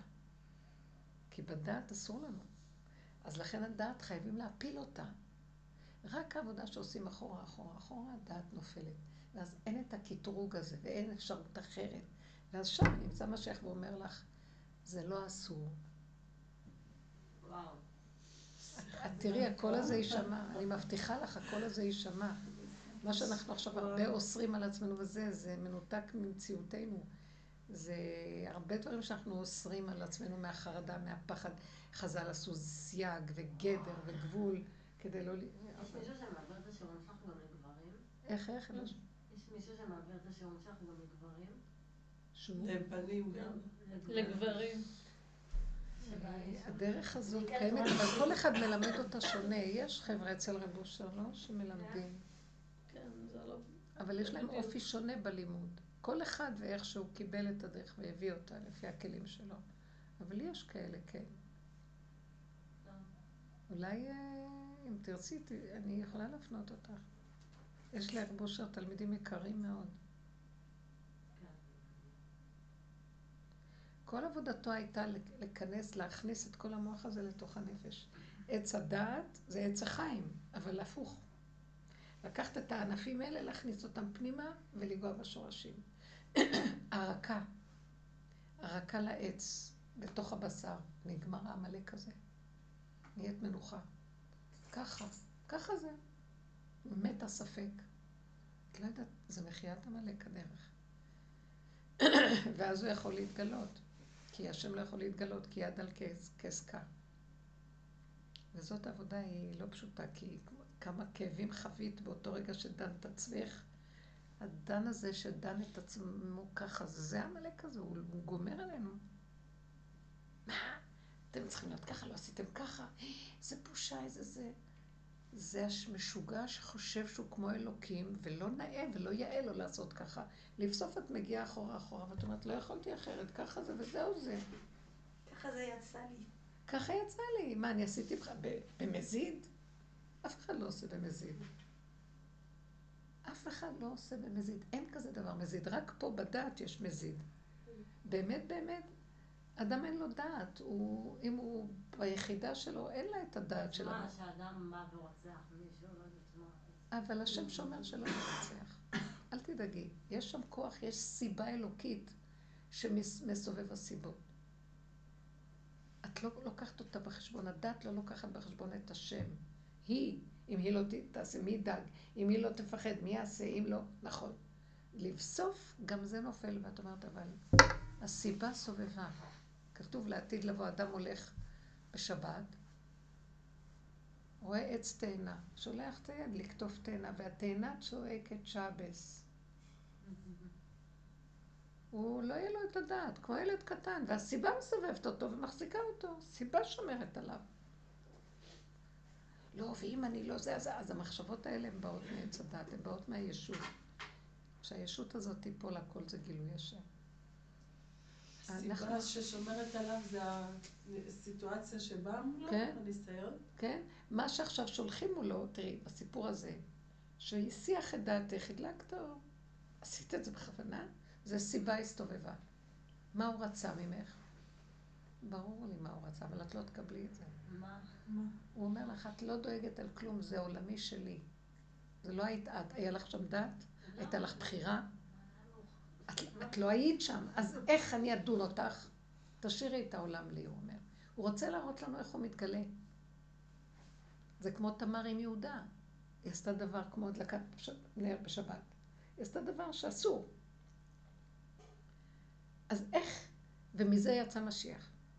מלך פורץ גדר. זה משהו אחר. עניינו של משיח הוא דבר הפוך. לא מובן. כי היא עשתה את זה בלי דעת? היא עשתה את זה מתוך הכרה, ברור שהיא לא עשתה את זה מדעת, אני אגיד לכם למה.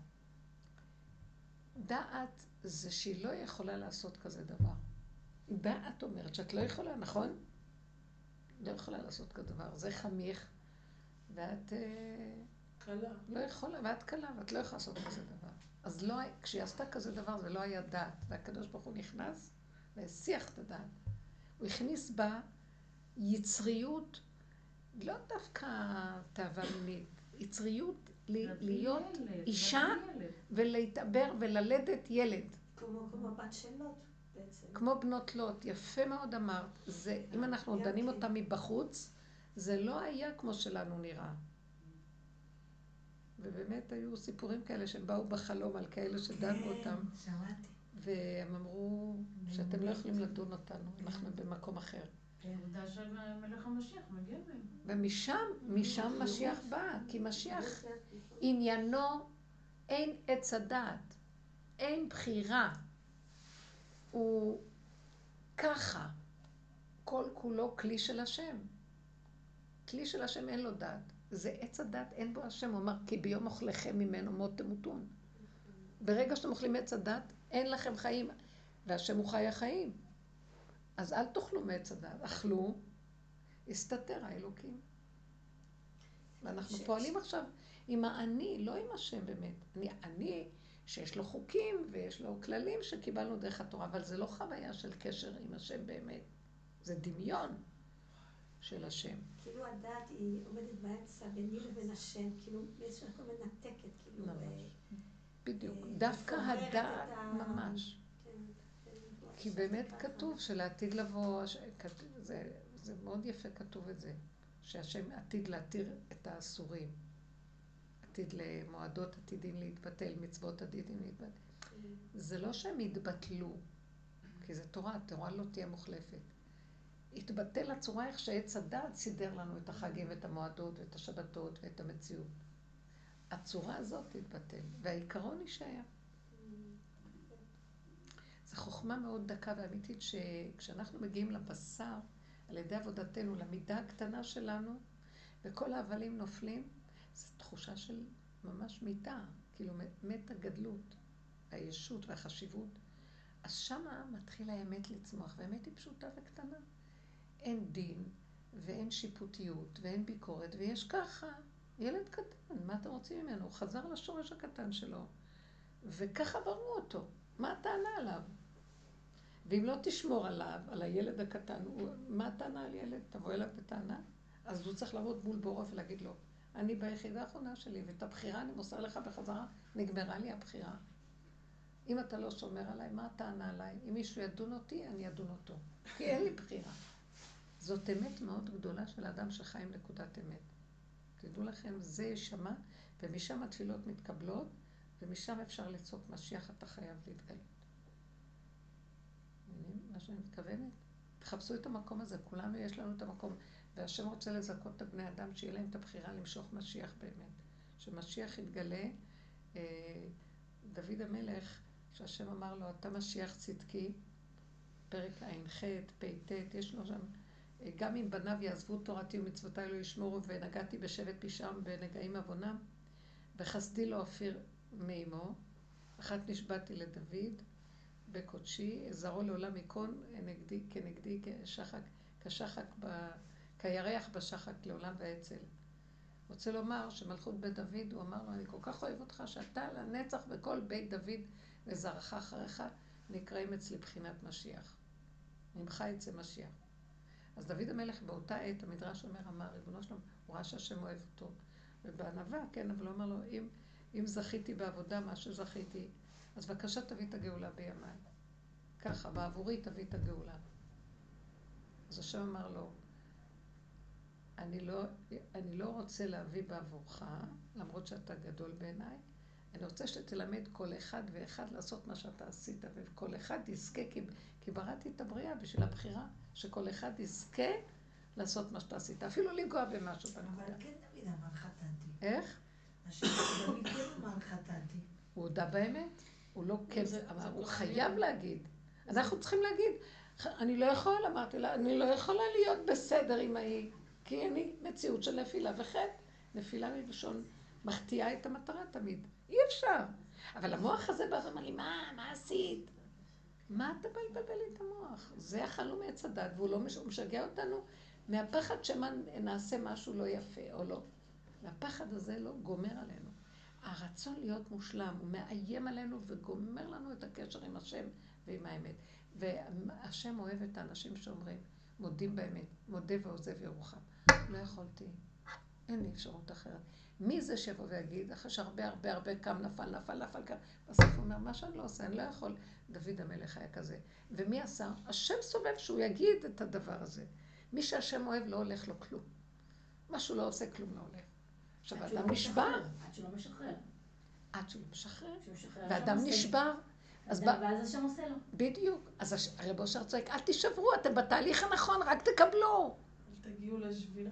לא, אני שבור, איך זה קרה לי? לא ישן כל הלילה. כן. דנקו.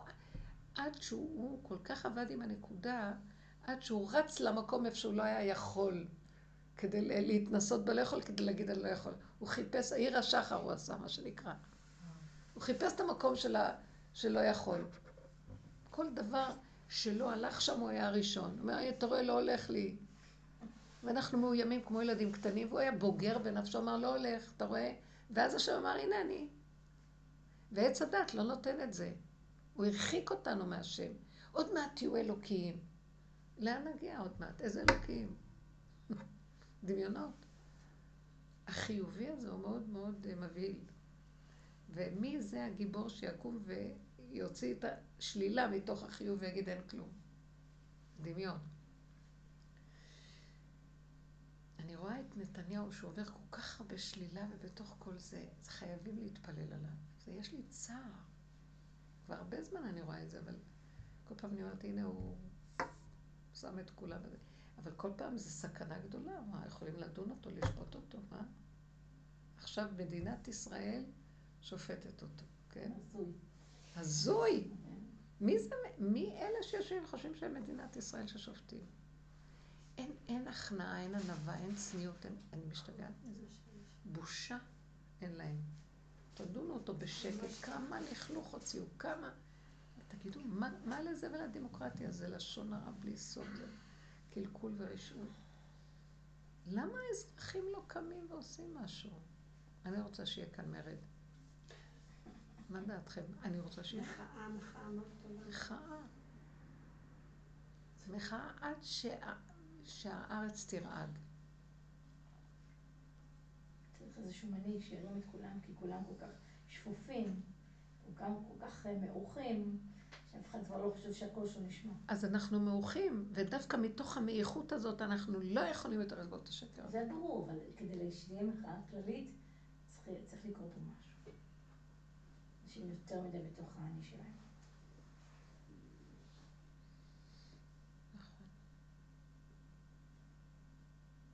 אז תמיד אמרתי ככה, כל העיקר של כל העניין, אנחנו לא פועלים בחוץ. אנחנו פועלים בנפש, ואם אנחנו עובדים בנפש, נר אחד נר למאה, בן אדם אחד, עשר אנשים, רבי אושר אומר, עשרה אנשים יעשו עבודה כזאת, הגאולה כאן. יש לו איפה להתגלות. שר החמורים. מי מוכן להיות חמורו של משיח היה צועק?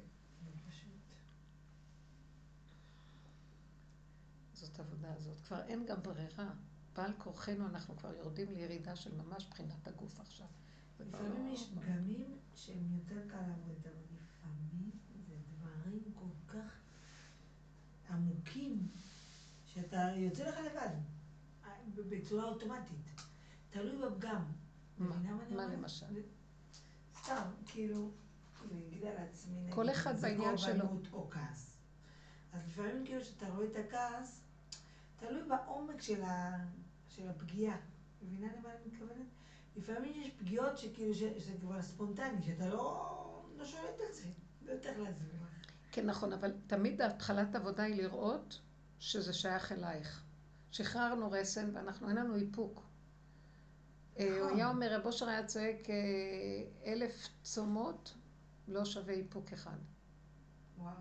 האיפוק הוא דבר כל כך, איזה הוא גיבור הכובש את הנקודה ולא נותן לה לצאת עכשיו.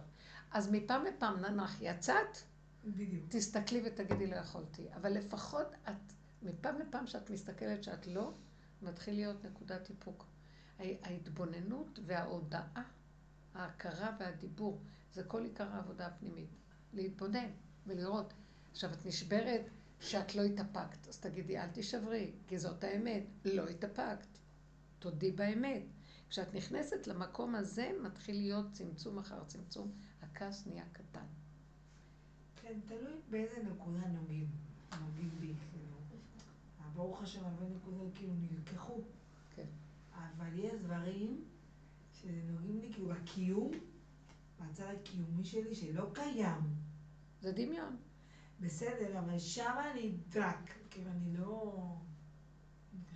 אל תוותרי לעצמך. עד שיהיה לך שקט. אל תוותרי. אז כבשת את זה, היום זה כבר לא. עכשיו תכבשי את זה, מחר תכבשי את זה. לאט לאט תראי, הכל כבוש. אין, חתכת את הראשים, אין לו ראש. כן. תתעקשו עם זה, תתעקשו, זו עבודה פנימית, זה יפה, זה גם שומר על הכבוד, זה, זה שומר על הבית, גם אנחנו הורסים נפשות, אנחנו שוברים את האנשים על ידי ההוצאה לחוץ של כל האנרגיות האלה, איפוק והכלה ועבודה והתבוננות, נופלים קמים, הדיבור להשם, הצעקה הפנימית, עד שנהיה שקט, המבול משתתק. כן. בעניין של הצעקות, במיוחד בערב שבת, שזה כנראה משהו, זה נחלת הרבה נשים. אני תמיד אומרת בסוגריים כפולות ומכופלות, אני מכה על חטא שאני חושבת שהרבה ילדים הפסיקו לשמור שבת כי הם ראו מה שהיה קורה אצל אימא שלהם בערב שבת. זה פשוט לא עשה להם חשק. כן. שלא לדבר על ערב פסח. ברור. אם אמרו, אם זה ככה, אז זה לא שווה את זה. נכון. אבל לחזור לצעקות, אני פעם, זה היה זוועה בערב שבת. אלון, זה כאילו היה, ערב שבת אני מעבירה כרטיס, היום אני צורחת. זה לא השקעה ככה. כן, כתוב צריך להחביא את הסכין עם ערב שבת. והייתי בקורס, ודיברנו על זה. היא אמרה, תעשי החלטה שיום אחד, פעם אחת, יום שישי אחד, את לא צועקת, תראי שאת יכולה, תנסי. תנסי, תעבדי על עצמך, תהיי מרוכזת בנקודה הזאת. ובאמת, לא יאומן, הכרטיס לא עבר, אותה, אותה שבת אני לא צעקתי. וזה הייתה, זה היה כזה דבר נפלא. אני, אני מאוד לא בסדר, אני סיפרתי לכם מה שקרה בשבוע שעבר, אבל אני, אני, אני, אני כבר לא צועקת בערב שבת. כאילו הכל שלי צרוד. אז רגע, תעצרי פה. כל העבודה היא להכיר שזה לא אני השגתי איזה משהו של שליטה על עצמי. השם לקח. כי הנה עוד פעם מתחילה אני להרים ראש, אני הצלחתי, ועוד פעם עץ הדעת טוב מופיע. כל עבודתנו לדעת שאני לא צעקתי, לא צועקת, עוד רגע אני אצעק. אבא, אתה מחזיק אותי. אתה מראה לי, הסתרת פניך, הייתי נבהל. אל תסתר פניך ממני. אני מוסרת לך שזה רק בזכות זה שאני מסתכלת, מתבוננת, אתה רואה את הצער שלי, מתחננת לפניך ואתה נכנס ועוזר לי. אבל לעולם לא לחשוב, אני חוסן, לא לעולם חוסן. אני לא בטוח. זה הכי קשה, נגיד שאני מצליח למשהו. לכו עם האמת הפשוטה ותודו. כשאני מצליח למשהו, אני אומרת לך את האמת. אני, מפחיד אותי שזה מצליח למשהו, כי אני יודעת שזה, כי אני מתחילה. כן. אה, הצלחתי פה, כן. הצלחתי פה. כן. מאוד קשה לי להתחבר להשם שזה מצליח למשהו. אז תקשיבי רגע, לא, בואי תראי ככה. בואי, בואי, אל תתני ממשות שכלית להצלחה הזאת. תגידי תודה ותצאי מזה מהר בתודעה שלך. אל תזכרי שהצליח לך, הבנת? אל תשבי על זה. לא. המוח מתחיל להתרחב, הפרשנות, המשמעות, הרגש, והסערה, ואת... כן. אה, אה, תודה רבה, שלום. זה לא שלי, זה שלך. כן. אומרים, השטן הוא רק מחכה, הוא בדלת. ממש, ממש. טיפה של התרחבות. כל עץ הדת זה החורבן שלו, זה ההתרחבות של האדם. הוא יוצא מנקודת הקו. לא שלי, שלך, זיכית לי תודה. אני גם לא מציאות. אני רק צינור שלך, תודה. שם תמיד תגמרי את הכל. אל תתרחבי עם הזה, כן, ככה וזהו, וככה וזהו. נפלתי, קמתי. גם אם רגע נפלתי והתגאיתי טיפה, עוד פעם לחזור ועוד פעם. צמצום אחר צמצום לנקודה של אני הקדמות. ממש מרגישה לפעמים שמתגאה, שמים אותי במקום. בשנייה, אוהבים טאק. אות- אוהבים אותך. ממש, זה. מדהים, כאילו לפעמים. שומרים עלינו. שמים אותם, שמים אותי במקום, אני לא מבינה. עד ששמים אותי במקום חזק, ואני... אז עכשיו תלמדי. אנחנו לא מחפשים מכות ואין לנו כאבים, כוח למכות. כן. אז מספיק קטן ותזכרי, לא, לא, אני לא רוצה כאבים. זה שלך, לא שלי. תודה אבא. אהבת השלווה והרגיעות היא צריכה להיות בראש מעיינינו. השקט, השלום, השלווה, שלוות הנפש. אין ערך יותר גבוה מזה בשבילי. אין. אין, כי זה מוות כל הכאבי נפש. הורג את הבן אדם. אבל לכולנו יש את זה בעצם. רק אה, אנחנו לא, מוצא, לא יודעים איפה היא כבר. אז הנה, זה הדרך שאנחנו נותנים, תסתכלו, תצמצמו, תחזרו, תודו באמת. קשה, כי אנחנו רגילים להתווכח, להתנצח, כי אנחנו מאוימים, רוצים להראות שאנחנו טוב, ואנחנו... אפילו ביני לביני, עזבי, אני לא הולכת כבר לאחרים להגיד כלום, אבל עם עצמי אני לא ישנה, עד שהוכחתי לעצמי שאני משהו ואני בסדר. לא, אני מלמד את עצמי להודות באמת. אני מתוודה שאני לא יכולה, שאני תקועה, רק אתה שמדע את האמת. אי אפשר לי בתוכנית הזאת של העולם, מה יעשה ילד ולא יחטא? סליחה, אתם לא מבינים איפה אנחנו חיים? זה בית משוגעים. ואנחנו עוד מנסים להיראות בסדר בבית משוגעים. אני לא רוצה להיראות משוגע, אבל אני יודעת את הסכנה שלי, אני רק מתפללת להשם. אבא, תחזיק אותי. אני לא רוצה להיכנס בך בתחרות בעולם הזה, זה מעוות, לא יכול לתקון. מי יכול להצליח פה במשהו? את לא רואה איך הכל נראה? הנה, הראו לנו במצבים האלה איך נראית כל המדינה הזאת. מי יכול לעמוד בתחרות הזו? אני מתחרה וזה וזה, אני אעשה, אני אמלוך, אני אמלוך, אני אמלוך, אני... מי יכול? איזה ביזיון. הכל מתפורר, זה תודעת עץ הדת מתפוררת. היה לי גם קטע בבית ספר, אצלנו בבית ספר יש הרבה פרויקטים. אז המנהל בא, בחר בזאת, בזאת, בזאת, ובי לא בחר. והיה לי, האגו שם שיחק. מה? לא שווה, כן שווה. ברור. כל המערכות אמרתי האלה. ברוך השם, מה אני צריכה שם להיות בפרויקטים? לא נותנים לי להתפלל, זמן, זמן בשבילי לקרוא קצת למשהו, מצוין. אבל כאילו, היה לי את ה... את יודעת משהו? בוא אני, רדפתי אחרי משהו. כמה שניות, לא היה לי כאן. בוא אני אגיד לך אמרתי משהו. לעצמי, יאללה, שלום, לא צריך. לך. כן, אבל את אמרת, אני רוצה להגיד לך משהו. הטיפול השורשי הוא לא חיובי, את לקחת על החלק, החיובי. מה אני צריכה את זה? שכנעת את עצמך שאת לא צריכה. ואני מציעה, זה, זה חלק מהעבודה החיובית שלנו, שאומרים, אה, יש לי שליטה, לא צריכה שכנעת. אנחנו עושים אחרת, כי אני אחרי רגע, יבוא עוד פעם הכאב, רגע, הלך הדבר הזה, נגמר, אני פתאום עולה לי, אה, הוא לא רצה אותי, עוד פעם נשרפים. אז תקשיבי, אני אומרת לה, אני הולכת בפנים, אני אומרת, לבנו שלם, אני כאובה, אני שבורה, אני שחוטה, אני ארוג את המנהל, אני לא יכולה לסבול את החיים. מה עשית לי? אני מוציאה לו את כל האמת שלי, אני לא חונקת אותה על ידי החיובי. התגברתי, אני לא מתגברת. לכי בשלילה. אוקיי. אני לא מתגברת, אני לא יכולה להתגבר, זה שורף אותי. ואחר כך אני אומרת, אבל כל זה זה האגו שלי. אתה רואה איך אנחנו חיים תרבות שממיתה, ממית ומחיה, ממית ומחיה, ממית חיה. אה, אני משתגעת. אני לא יכולה להכיל יותר את החיים. תרחם עליי, תעזור לי, תסיח את דעתי מכל המערכת הזאת. אני מתחננת, תכניסי אותו לתמונה. תג... איך הוא נכנס? אני לא, אתה כן. אם את כן במשהו, אז למה לא... אין, הוא לא נמצא. לכי טיפול שורשי. תלכי עד הסוף עם השלילה. כי הוא יקום לך הנחש בבוקר או בלילה באמצע ויגיד לך, מה? מה קרה פה?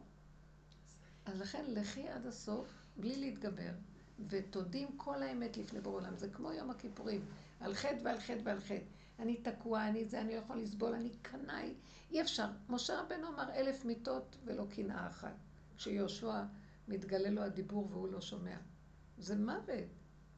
תודי באמת, אנחנו לא יכולים. זה גדול עלינו פה. אפשר לעמוד בזה.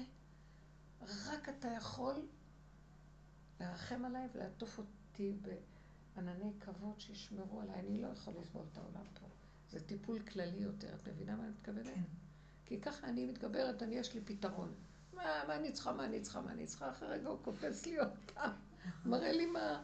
זה מעניין מה שאת אומרת, כי זה באמת הפוך על הפוך. הרי אנחנו, כל, כל העניין שלנו היום בחיים זה להצליח. אבל להפך, זה טוב להיכשל. כי בכישלון, בדיוק. הקבלה של הכישלון זה אומר, באמת, זה טיפול שורש. די, שם את עצמי בצד, כי, כי אין אני, הרי נכשלתי. בדיוק. אני מודה, ואז... אני לא, אני מוסר את המנדט בחזרה, אני לא, לא יכול. זה טיפול שורש, שם השם נכנס. כאילו אנחנו בתודעת עץ הדת מסדרים לעצמנו פתרון, ועיצה, ואיזה וריאציה מסוימת של איזה הנהגה. ויכולים להתגבר לרגע, וזה חוזר וחוזר וחוזר וחוזר. הסקאלה הזאת לא נגמרת, זה טיפול שורש. ללכת עם השלילה עד הסוף, להסתכל, וצריכים נרבים לזה וחוזק הלב. גם שמה זה חוזר. לא, יש איזה נקודה, לא. אם אני הולכת עם זה חזק, חזק, חזק, תראי, מפעם לפעם לפעם, שאני מודה, יש משהו שמתמעט ונגמר. כן. אני אומרת לכם, כן, אני, אני, לא רוצה, אני לא רוצה להתחרות. אל תתחר במרעים. מה יעשה לך להכניס את הראש בין שני ערים גבוהים? יאכלו אותך, לא רוצה. זה הרוגע האמיתי. זה הרוגע שאין אחריו כלום. אני מודה להשם. עכשיו, השם יושב ומחכה, מתי נודה שאנחנו לא יכולים כלום? עץ הדת הכניס אותנו לסחרחרה, של עוד מעט קצת אני יכול. איך אמר המן? וכל זה אינו שווה לי. יושב למעלה בגובה חמישים אמה, ומשקיף והגדלות שלו גומרת עליו, וכל דבר נראה לו לא שווה כלום, כי עוד לא השיג את מה שיכול עוד רגע להשיג. זה התרבות שאנחנו חיים בה. לא רוצה להשיג, כי אין לה דבר סוף. זה ממית. אם כן, הכנעה, קבלה, השלמה, ולצעוק להשם שהוא יגאל אותנו מהתוכנה הזאת. כי היא לא נגמרת. מה אני אתגבר? על מה לא התגברתי בחיים? בסוף אני חזרתי לאותו מקום. וזה טיפול שורש, וזה גילוי השם, שם הוא מתגלה. שהאדם מודה באמת ונכנע לפניו, הוא מתגלה. זה י"ג מידות הרחמים מתגלות, כמו יום כיפורים. הוא מהפך את הכל. חוט השני מתהפך ללבן. כן, זה י"ג מידות הרחמים. אני אומרת, זה הטיפול שורש, ושם נמצא משיח. משיח הוא מציאות המהפך. כי הוא כל הזמן, איפה יושב משיח? הוא יושב בין העניים, בין המצורעים, בפתחה של רומי, מכבש את עצמו, פותח. הוא לא בגובה ולא יושב במזרח. שם אנחנו צריכים להיות. השם יעזור לנו ויביא אותנו כי קודם כל זה גאולת הנפש הפרטית שלנו. ואם יש כאלה שמחפשים את גאולת הנפש, זה גאולת השכינה, זה לא הגאולה הפרטית שלי, כיף לי. אז כן, ברור, אבל זה השכינה, את גואלת את השכינה. נר אחד, נר למאה, משיח מתגלה. השם עכשיו, יש לי ממש מתחננת לפניו, שירחם על המציאות של עם ישראל היושב בציון. אי אפשר לתאר כמה סבל העם הזה עבר. לאן עוד אתה רוצה להוביל אותנו? יש לי צער בפנים. תגאל, תקום, תתגלה. אני, אני, אנחנו החמור שלך, יאללה. השם יעזור לנו. יהיה ישועות ובשורות וישועות. תודה רבה לכם. תודה. אם נתעקש להגיע בזמן, להגיע לשיעור, לקבל כלים, לעבוד בכיוון הזה, אני אומרת לכם, הדרך עכשיו זה לא מה שהיה פעם, היינו שוברים, חוצבים אה, בסלע בחום היום, במדבר. עכשיו זה פתוח, כאילו לא צריך לעשות הרבה עבודה ונמצאים שם, כי כולם כבר על הגבול. אז כדאי להתעקש. אני חושבת...